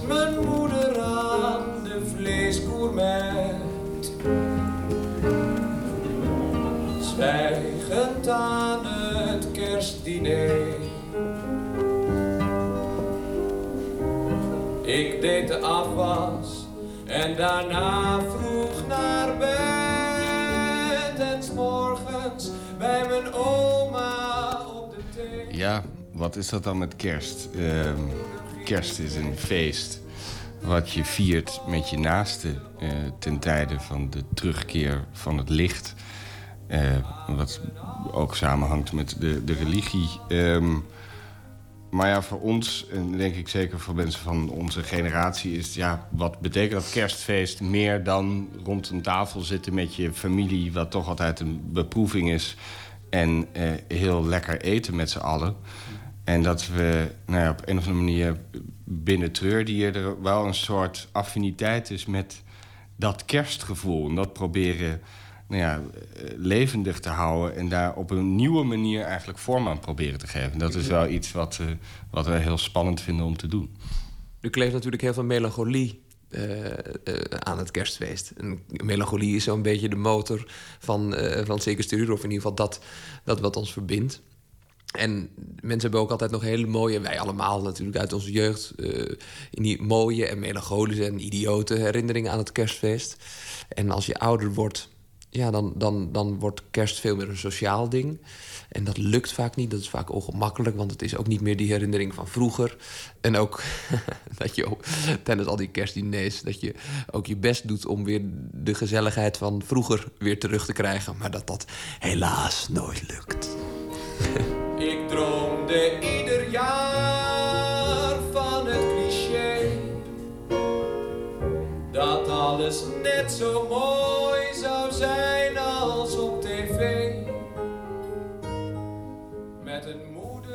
In deze kerstvoorstelling draait het om het personage Frederik Kaak. Hij was een beroemde televisiepresentator in de jaren 90, maar nu kent niemand hem meer. Frederik Kaak is eigenlijk een kruising tussen eh, Willem Ruis, Mart Smeets en Rolf Wouters. Die types ongeveer op één hoop in een, in een glitterpak. Dus hij is al die, al die figuren. En gewoon een doorgesjeesde, totaal zelfverheerlijkende eh, egoïst. Maar die wel heel goed is in zijn vak, maar eigenlijk te hoog is gaan vliegen. Waarmee we natuurlijk niet willen zeggen dat de mensen die we net hebben genoemd ook eh, die eigenschappen bezitten. Maar gewoon daarop zijn ze geïnspireerd. Ja. Ja, maar dat is het. Frederik Kaak die eh, heeft oog voor zichzelf en, en voor zichzelf alleen. En dat eh, eh, strookt niet met de kerstgedachte. Daarom is het een interessant, interessant iemand. En het mooie is, hij was in de jaren negentig was hij gewoon ongelooflijk populair en ongelooflijk beroemd. Fictief natuurlijk. En dat maakt hem heel eh, tragisch. Dat, was, dat, is- dat, dat maakt een heel mooi, eh, inspirerend personage. Ik heb nog nul kerstkaarten. Geen één. In de jaren 90 was het wel anders hoor. Er stond hier de hele schoorsteenmantel vol met kerstkaarten van fans, van aanbidsters. Ook uit Duitsland. Freudige Weihnachten, lieve Frederik. Maar ja, in de jaren negentig was alles anders. Mensen namen nog de moeite om een pen te pakken. Iets leuks op papier te zetten. Mensen waren nog leuk. Mensen hadden humor. Ralf Inbar leefde nog. Er was altijd een spanning. Dat is wat je moet willen met een goede televisieavond. Een spanning opbouwen. Hij is op een bepaalde manier ook de spreekbuis van ons over hedendaagse televisie, natuurlijk. Daarom vinden wij de jaren negentig zo grappig, waarin de showhost echt nog de, de Henny Huisman en Ron Brandsteder, dat, dat waren mensen die, die dat waren BN'ers, beroemde eh, mensen die op televisie kwamen en dan gebeurde er iets. Dat waren ook iconen, daar kon je, kon je ook mee identificeren. Ik hield ook van Henny Huisman, ik hield ook van Ron Brandstede. Dat waren ook echt mooie persoonlijkheden. En Kaak zet zich heel erg af. dat vind ik een van de mooiste teksten. Die zegt... ehm, en als je nu naar de tv kijkt, dan krijg je een, een trap in je maag en een trap in je ballen cadeau. Eh, hersenloze kutjes met een spraakgebrek. dat, zoiets iets in die trant. Eh, maar dat vind ik, vind ik heel erg geestig. Terwijl hij, hij omarmt die tijd waarin er nog persoonlijkheden waren. Waarin, en dat, dat vind ik heel mooi dat hij dat zegt. Ik vind dat dat gezegd moet worden, want ik vind dat ook. Als we het dan toch over televisie hebben. Onlangs lanceerde Circus Treurdier op internet twee pilotafleveringen van Treur TV. Het resultaat van een samenwerking met de VPRO. Is er een verband tussen die onvrede over de televisie van nu en het zelf maken van een televisieserie? Absoluut, dat heeft heel erg met elkaar te maken. Eh, wij willen heel graag nieuwe, vernieuwende, poëtische televisie maken. Wij denken dat daar behoefte aan is. We denken dat dat nodig is. Maar vanuit die behoefte ga je niet iets maken. Dat begint gewoon met een hele creatieve kriebel in je onderbuik. Dat we eigenlijk... We hebben heel vaak, als we een voorstelling maken... dat we in ons hoofd een soort... ja, in de film zou er nu dit gebeuren. Of dan zouden we nu met de camera dit en dat en dat doen. En we dachten eigenlijk al een paar jaar van... ja, we moeten gewoon iets gaan doen met die, met die beeldende, poëtische inspiratie die we hebben. Daar moet een, daar moet een, een, vorm aan gegeven worden. En dat is treur-tv. Ik heb last van optimistische buien. Dan zie ik het ineens weer helemaal zitten. Dan zie ik het ineens weer allemaal goed komen. Dan heb ik er ineens weer zin in. Dan heb ik zo'n vertrouwen. Dan denk ik ja. Dan denk ik ja, het kan. Ja, ik wil. Ja, we zullen. Dan wil ik het heelal in. Ik zou mijn vrienden willen bellen. Ik zou een feest willen geven. Zang en dans. Ik zou het van de daken willen schreeuwen. Het willen uitschreeuwen dat er nog hoop is. En dat alles goed komt. En dat het heelal geen grenzen heeft. Dus waarom wij wel? Maar ik zou mezelf belachelijk maken. Compleet belachelijk maken. Een gek, zullen ze zeggen. Je bent helemaal gek. Doe niet zo idioot. Het is allemaal idioot wat je doet. En mijn eigen vrienden zullen zich van me vervreemd voelen. Ze zullen hun hoofden schudden en ze zullen zich omdraaien. En in het café afspreken zonder mij. En daarna praten over hoe idioot ik doe. En hoe dat allemaal zo gelopen is. En ze zullen het eens zijn. Die is niet normaal. Daar heb je niks aan. En ze zullen me vergeten. Dus als ik weer zo'n bui voel opkomen, dan zet ik mijn telefoon uit. Ik doe de gordijnen dicht. Ik ga op bed liggen. Ik hou me vast aan de matras. En ik wacht tot het over is. Dat gaat, dat gaat ook over fantasierijke tv, eh, absurdistische tv, vervreemdende tv. Een beetje, beetje eh, ja, soms ook. eh, ik kan even niet op het woord komen, dat soort televisie. Nee, maar dat, daar gaat het. Ver- ver- Vervreemde televisie, poëtisch. Ja, dat zie ik de afgelopen jaren eigenlijk nauwelijks. En ik vind dat dat... Waarom niet? En er, wa- ja, er, waren ook, er waren ook Nederlandse programma's die dat heel erg in zich hadden. Rembo en Rembo, Thea, Theo en Thea. Purno de Purno.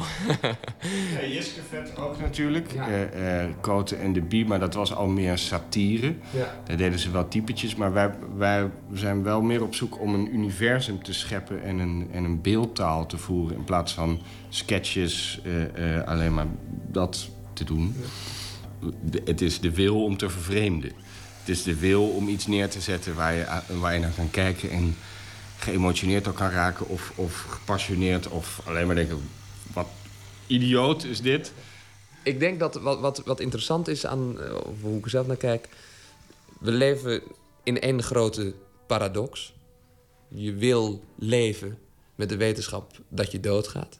En ik denk dat in heel veel werk wat we maken, dat daar die paradox in zit. We willen eh, eh, ontroerd raken, maar niet eh, zonder meer. Dus we zetten alles tussen aanhalingstekens. We, zijn, we plaatsen bij alles vraagtekens, omdat we bekijken alles ook van de andere kant. En ik denk dat het die paradox in, in wat we doen, dat dat het interessant maakt. Allemaal.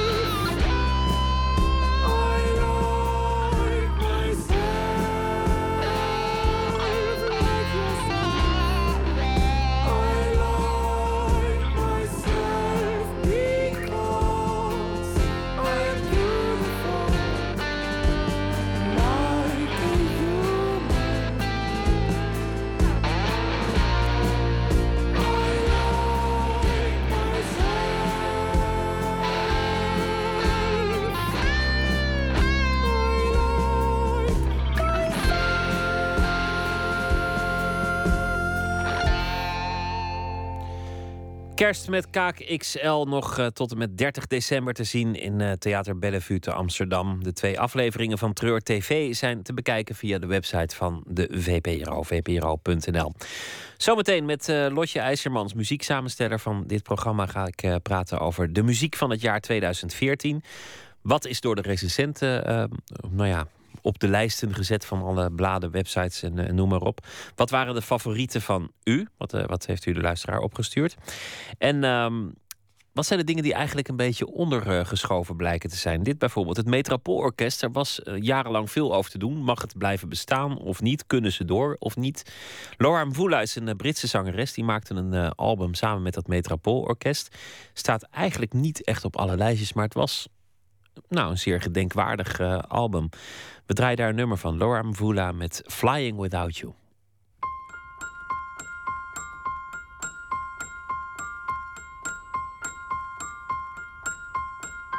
He was a boy in love, just not with me. I could not see how hard it would be to love alone without another. Crushed my heart, I fell into pieces.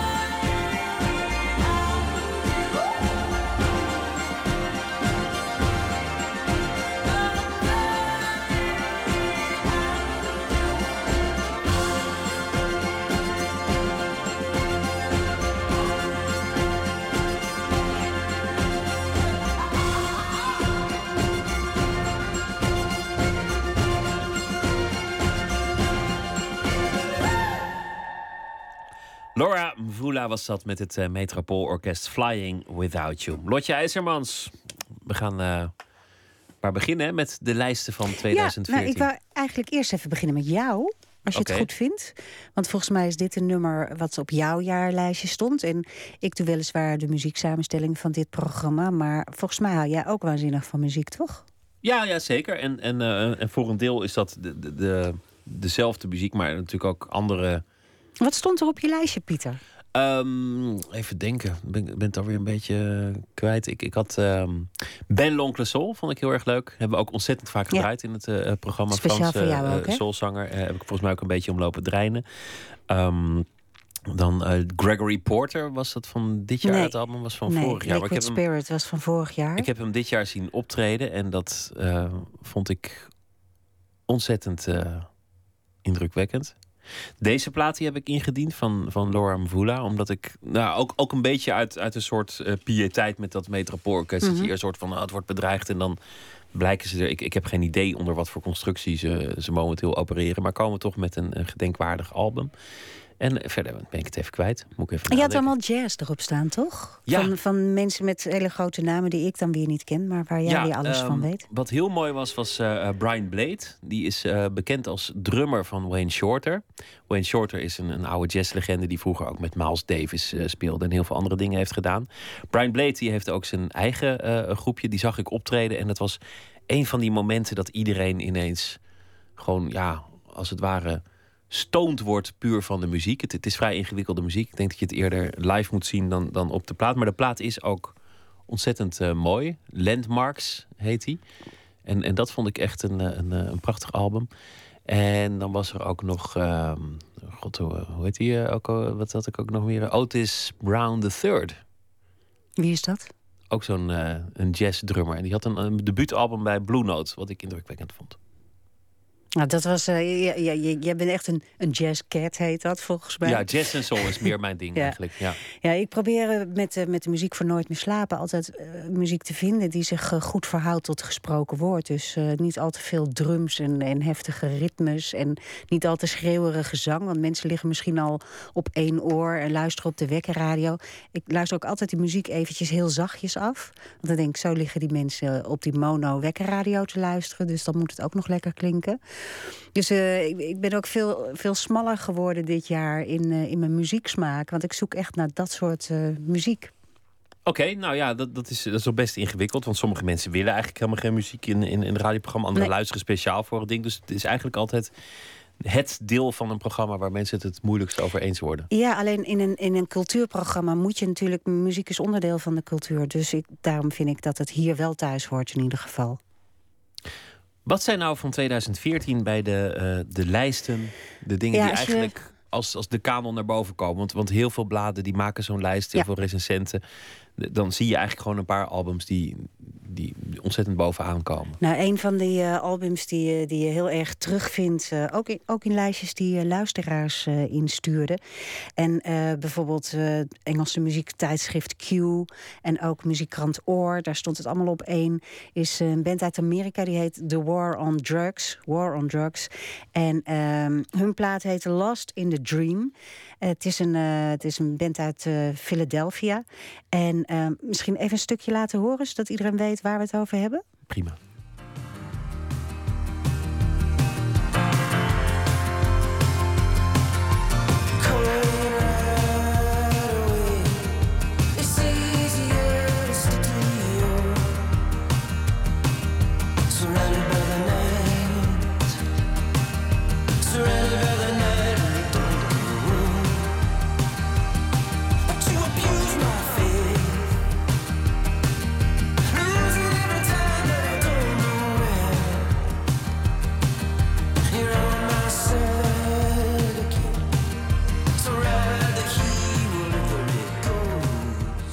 Zie jouw blik een beetje afdwalen, Pieter.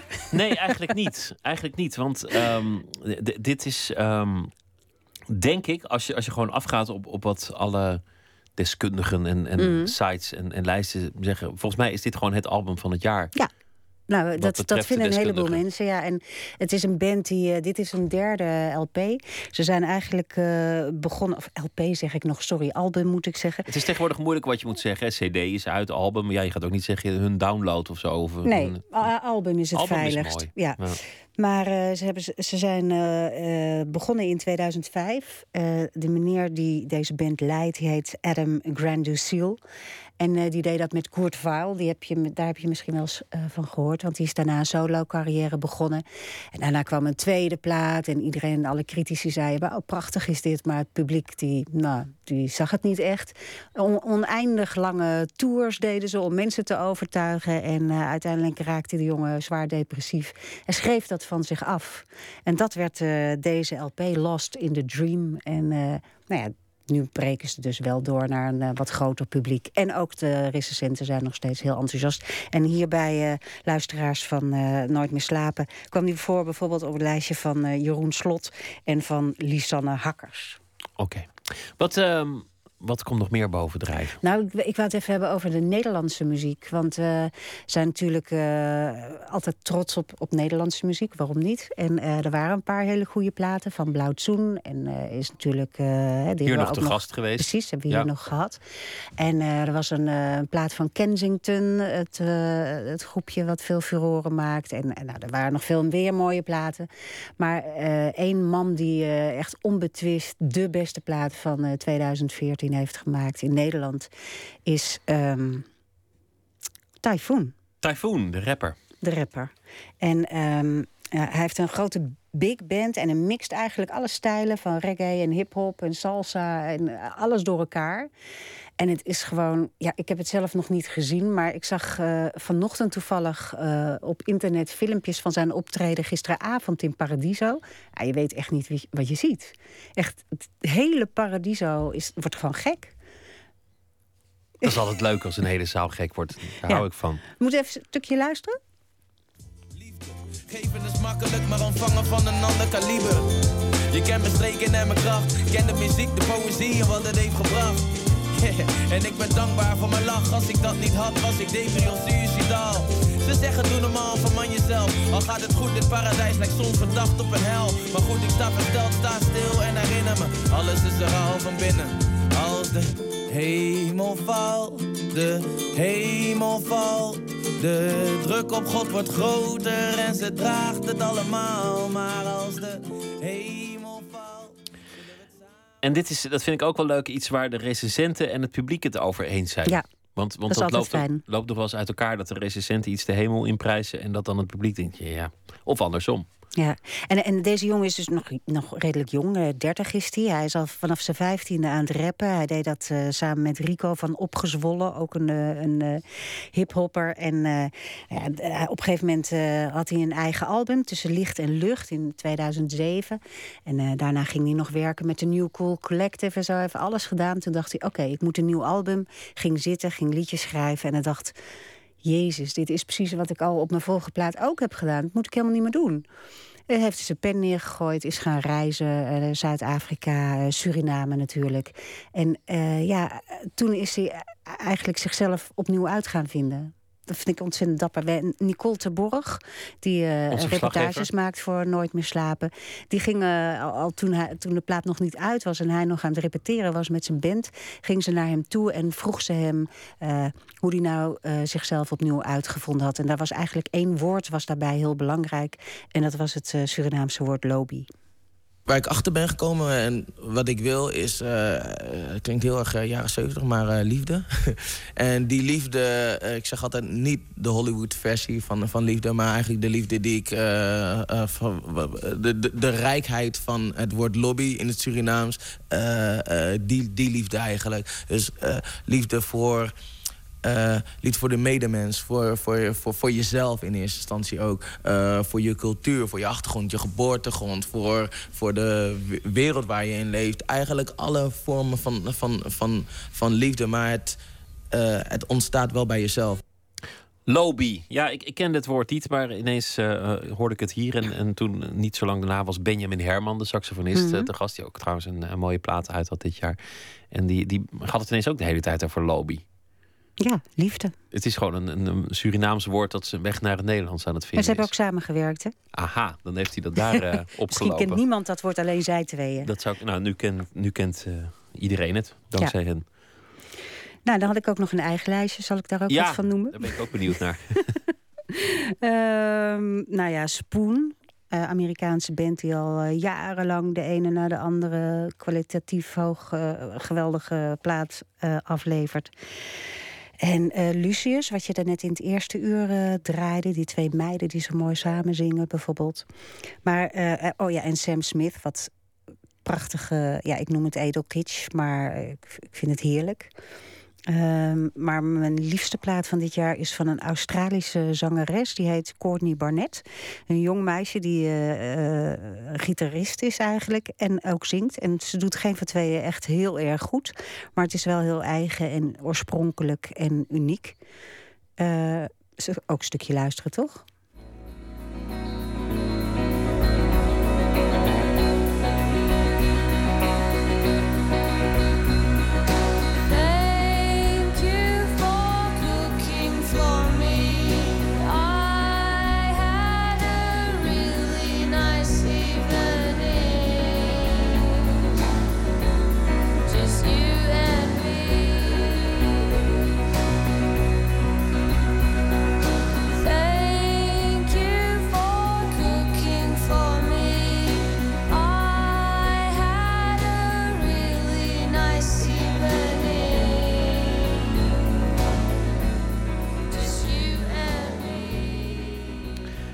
Courtney Barnett hebben we ook vaak gedraaid in dit eh, programma. Nog, nog een van de, de mails. Die eh, kwam van Nicole, Nicolien Blonk uit, eh, uit Gouda. Die zag Michiel Borslap, pianist, optreden met Jeroen van Vliet. En ze was enorm onder de indruk. Dit vond plaats in Gouda. Jeroen van Vliet had zojuist gehoord dat hij de Boy Edgar prijs had gewonnen. En speelde De Sterren van de Hemel. Uit de oude doos kwam Super Sister weer tevoorschijn. Wow, wow. En dan nog eens wow. Wat een mooie muziek eh, was dat toch. En dan later had ze ook nog het eh, nummer van, eh, of het, het jubileum van de Nits, omdat ze fan is van Robert-Jan Stips, ook zo'n zo'n goede Ja. toetsenist. Ja, Ik heb hier een, een brief van Maartje Hermsen. Die eh, had een hele top 10 met alleen maar audio. Dat was ook leuk hoor, want dat waren allemaal podcasts en afleveringen van radio-uitzendingen, audiotours, maar bijvoorbeeld ook geluidskunst, zoals de performance I Am Sitting in a Room van Alvin Lucier. En ze schrijft: Ik was op 18 oktober bij een uitvoering in het Stedelijk Museum in Amsterdam. En het was een waanzinnige ervaring. En ehm, dat vond ik ook heel erg leuk aan die brieven die binnenkwamen. Want er waren heel veel mensen die ook eh, radio-uitzendingen in een lijstje gingen zetten. Is ook cultuur, ja, alles mocht, dat hebben we gezegd. Dus ja, En daar kwam jij ook wel eens voor op die lijstjes. ja dat zijn onze luisteraars. Alle mensen die al lang niet luisteren, die, die sturen ook niet in. Dat Nee, is, dat is dan ook net je waar. Dus dat is vals spelen in, in, eh, in die zin. Wat is uiteindelijk eh, de, de, de, top? eh, De top drie van de, de Nooit meer slapen luisteraar is eigenlijk op drie Typhoon.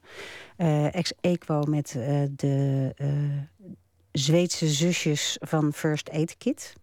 Ook wel vaak gedraaid hier. Twee, War on Drugs. En één man over wie we het nog helemaal niet hebben gehad, namelijk Damien Rice. Hij is die eh, Ierse singer-songwriter die eh, al sinds eh, nou, 2006 geen plaat meer had ge- gemaakt. En iedereen zat daar waanzinnig op te wachten. En eh, die plaat heet My Favorite Faded Fantasy.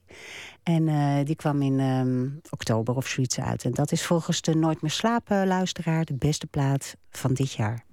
We gaan eh, luisteren naar Damien Rice met het nummer Color Me In. Dankjewel, Lotje.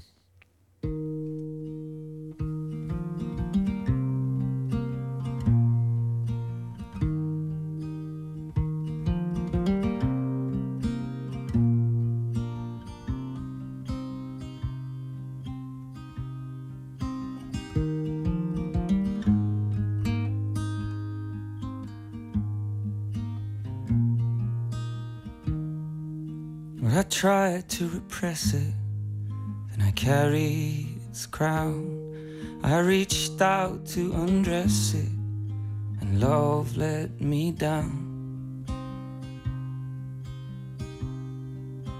Love let me down.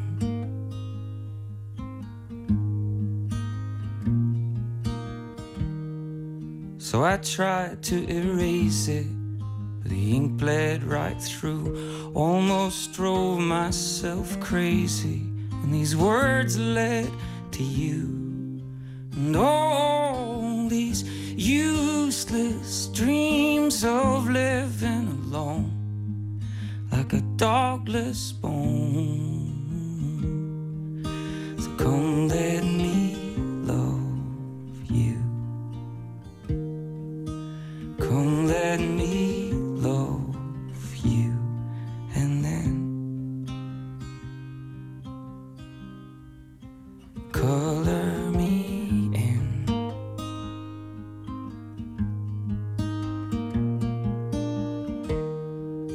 Well, I tried to control it and cover it up. I reached out to console it, it was never enough. Never enough.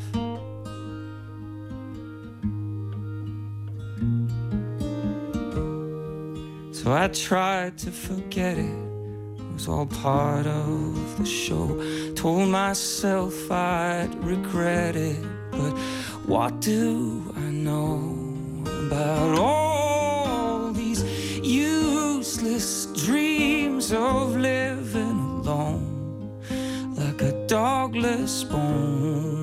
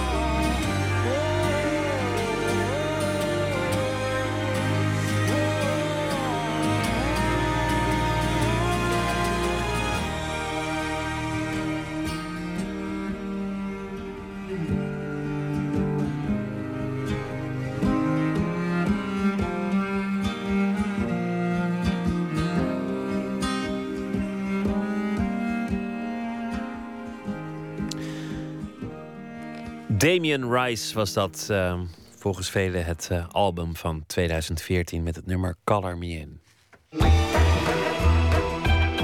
Nooit meer slapen.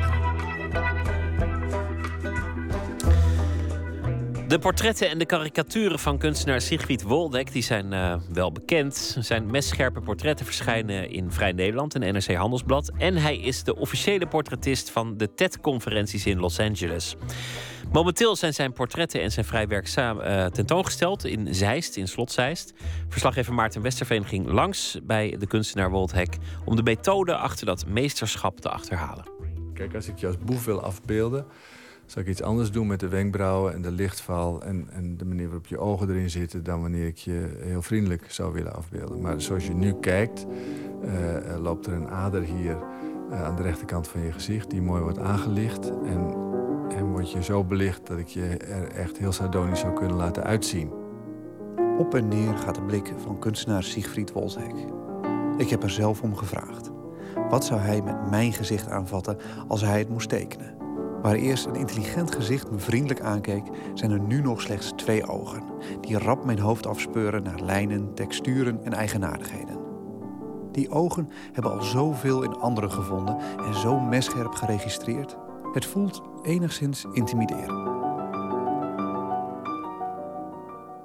Eén moment, ik zit even een stukje papier te zoeken. Want ik had hier van dat... Oh, hier ligt het. Ik had- van dat lekkere papier. Ja. Ehm, ik zal een pennetje pakken. Wat is eigenlijk het verschil tussen een, eh, een portret en een karikatuur? Oh, ehm, bij een karikatuur ga je denk ik wat vrijer om met, eh, met eh, verhoudingen in het gezicht. En kun je daar wat in overdrijven. Maar ik vind het eigenlijk niet zo interessant. Je, je kunt van de meeste gezichten wel elk aspect overdrijven. Dus ik kan jou tekenen met een hele grote neus of zonder neus, met een enorme kin of zonder kin. En dan kan het nog steeds lijken. Maar waarom zou je dat doen? En dat wil je doen omdat je, je bepaalde kenmerken wilt aanzetten... of, of bepaalde gebeurtenissen wilt, wilt treffen. En dat kun je net zo goed doen. En wat mij betreft eh, interessanter doen... door het kiezen van het materiaal of door de hoek of door de, door de lichtinval. Dus dat vind ik eigenlijk veel leuker. Om, om portretten te maken waarin dingen gewoon anatomisch correct zijn...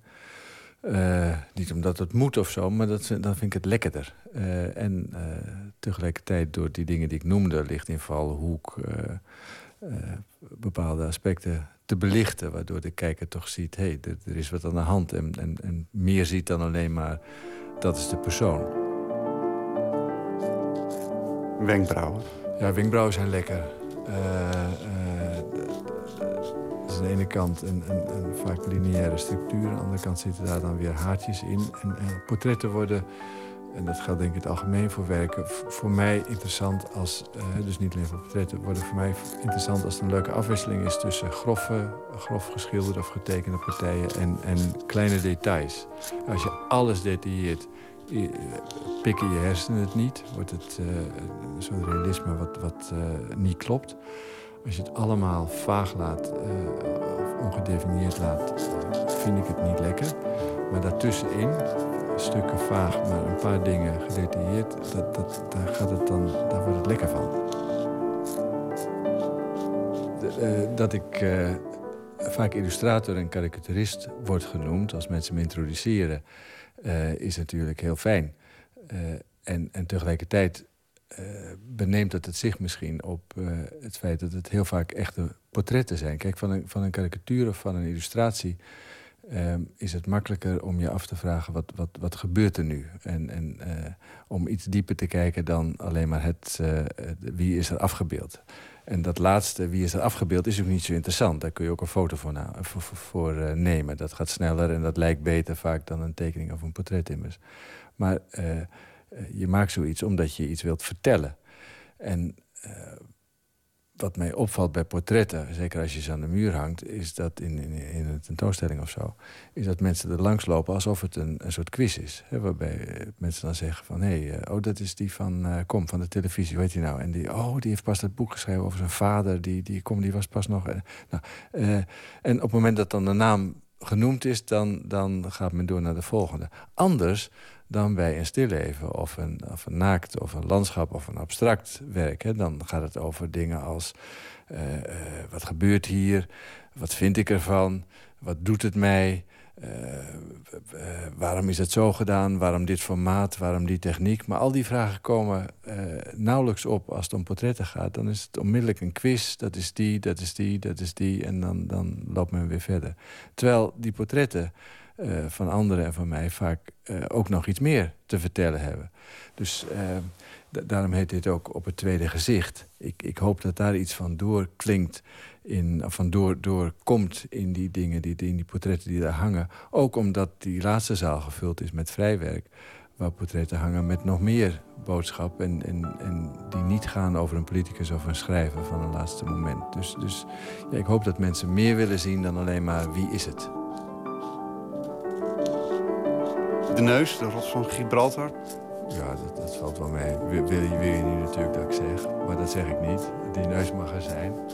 Eh, nou, die, die, die neus is vaak heel fijn, omdat, eh, en, zeker bij de belichting die je nu hebt van twee zijkanten, er een donkere streep over het midden van de neus loopt. En daar kun je geweldige ruimtelijkheid mee creëren in een lekkere arcering van lijnen of met een mooie eh, streep van het penseel. Als je die donker maakt, en dat is heel uh, contra-intuïtief. Als je die donker maakt en de zijvleugels, de zijkanten van de neus lichter, uh, dan komt die neus toch naar voren, terwijl je dat niet zou verwachten. Dus dat is onmiddellijk een stuk waar ik me op verheug.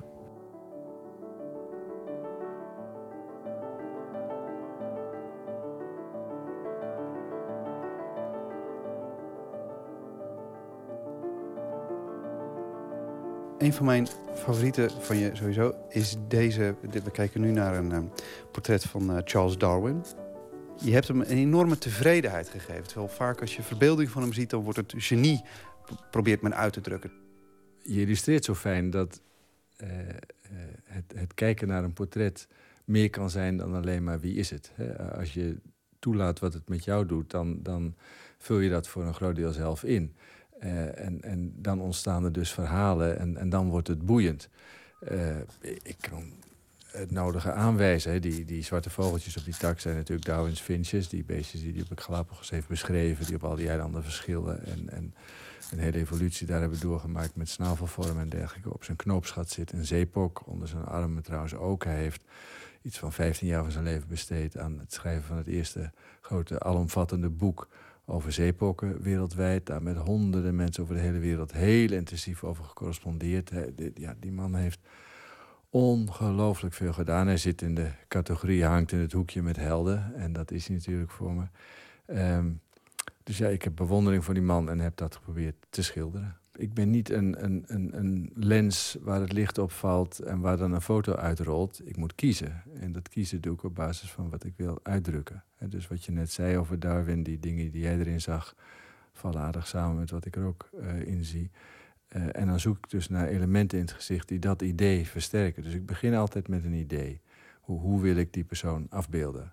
Of als ik het heel gechargeerd wil zeggen, waarom wil ik die persoon afbeelden? Wat wil ik daarmee zeggen? Oren? Ja, oren. Uh, dat is mijn specialiteit misschien wel. Mensen vallen altijd over mijn ogen, uh, daar krijg ik vaak commentaar op. Maar uh, mijn oren zijn veel specifieker dan mijn ogen, denk ik. ieder mens heeft verschillende oren. ik bedoel niet alleen twee, maar ook anders dan die van andere mensen. En uh, daar kun je veel karakter in leggen. Oren die, die afstaan, plat liggen, uh, totaal verschillende oors, oorschelpen hebben met structuren in die oren. Daar zijn lekkere dingen aan te beleven. En de, ja, nogmaals, afhankelijk van de sfeer van het portret. Uh, soms, ik heb balken en de jaren getekend zonder oren, dat kan ook. Maar dat past ook. Maar met oren kun je lekkere dingen doen. Maar, maar het, het jammere is, zeker als je een portret van voren of van drie kwart tekent dat als je daar te veel aandacht aan besteedt, dat dan de, de ruimtelijkheid van die kop verdwijnt. Dus de, vaak moet het blijven bij een aanduiding. Maar ik hou van oren, vind ik lekker om te doen. Ik vroeg het jou om naar me te kijken. En je hele gezicht begint te veranderen. Opeens, als je met me praat, dan heb je een, een glimlach en, en, en je, je hebt een gezicht. Maar dat is er opeens niet meer. Ik zie alleen nog maar twee ogen die, die alleen nog maar aan het, aan het registreren zijn. Uh, opeens ben je dan alleen nog maar die ogen. Voel je je ook anders op het moment dat je dan hè, zoiets gevraagd wordt? Voel je als je als je aan het kijken bent? Ja, absoluut. En ik, het is misschien ook wat te horen in mijn stem, dat weet ik niet. Maar de, de, ik voel dan dat mijn hele wezen hier ergens rond mijn ogen zit. Ik ben dan aan het observeren. Is dat lekker? Ik vind het wel een prettige staat van zijn, ja. Het, niet mijn voorkeurstaat van zijn, daar gaat het niet om. Maar ja, ik denk uh, dat het vergelijkbaar is met een pianist die lekker aan het spelen is.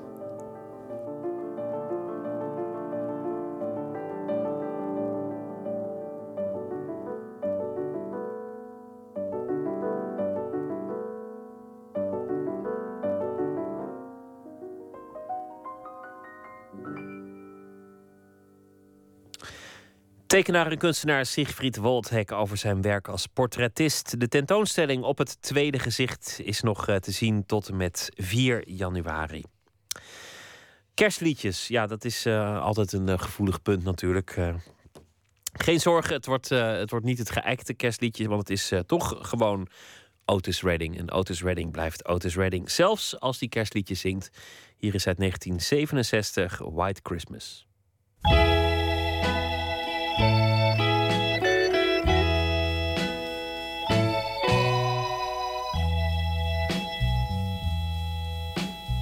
I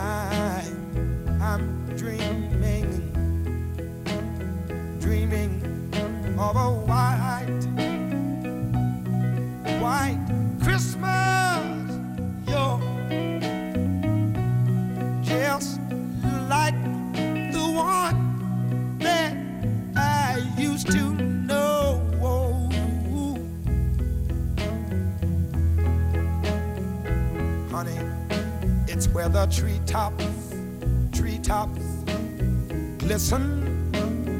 Little bitty, little bitty, little bitty children. They are trying to listen to hear, hear for the sleigh bells that are ringing in the snow. I wanna tell you one more time what I'm thinking about.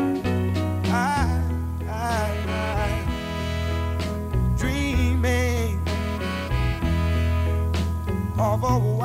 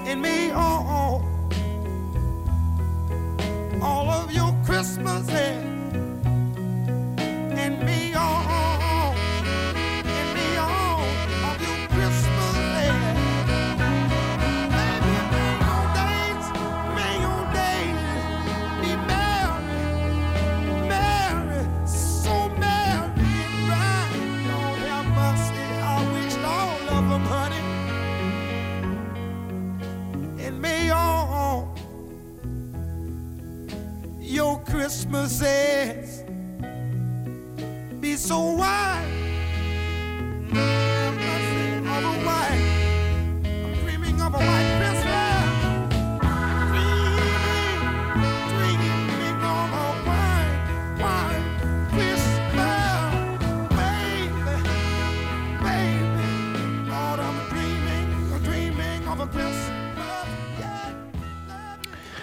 De mooiste soulstem aller tijden, Otis Redding zong. Een, een, een nummer dat heel bekend is geworden in de versie van Bing Crosby, White Christmas. Geschreven eh, door Irving Berlin in de woestijn van Phoenix, Arizona in 1940.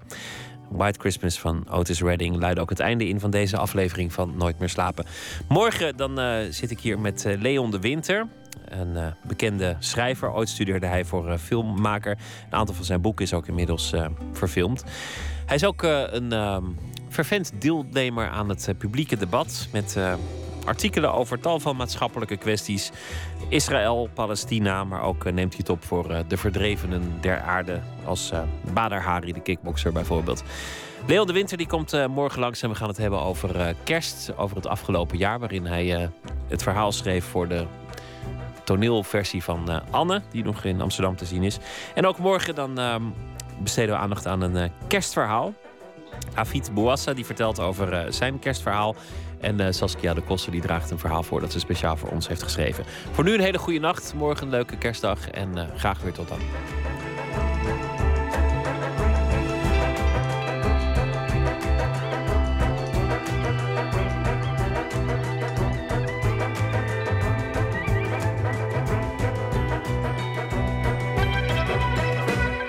Op Radio 1, het nieuws van alle kanten.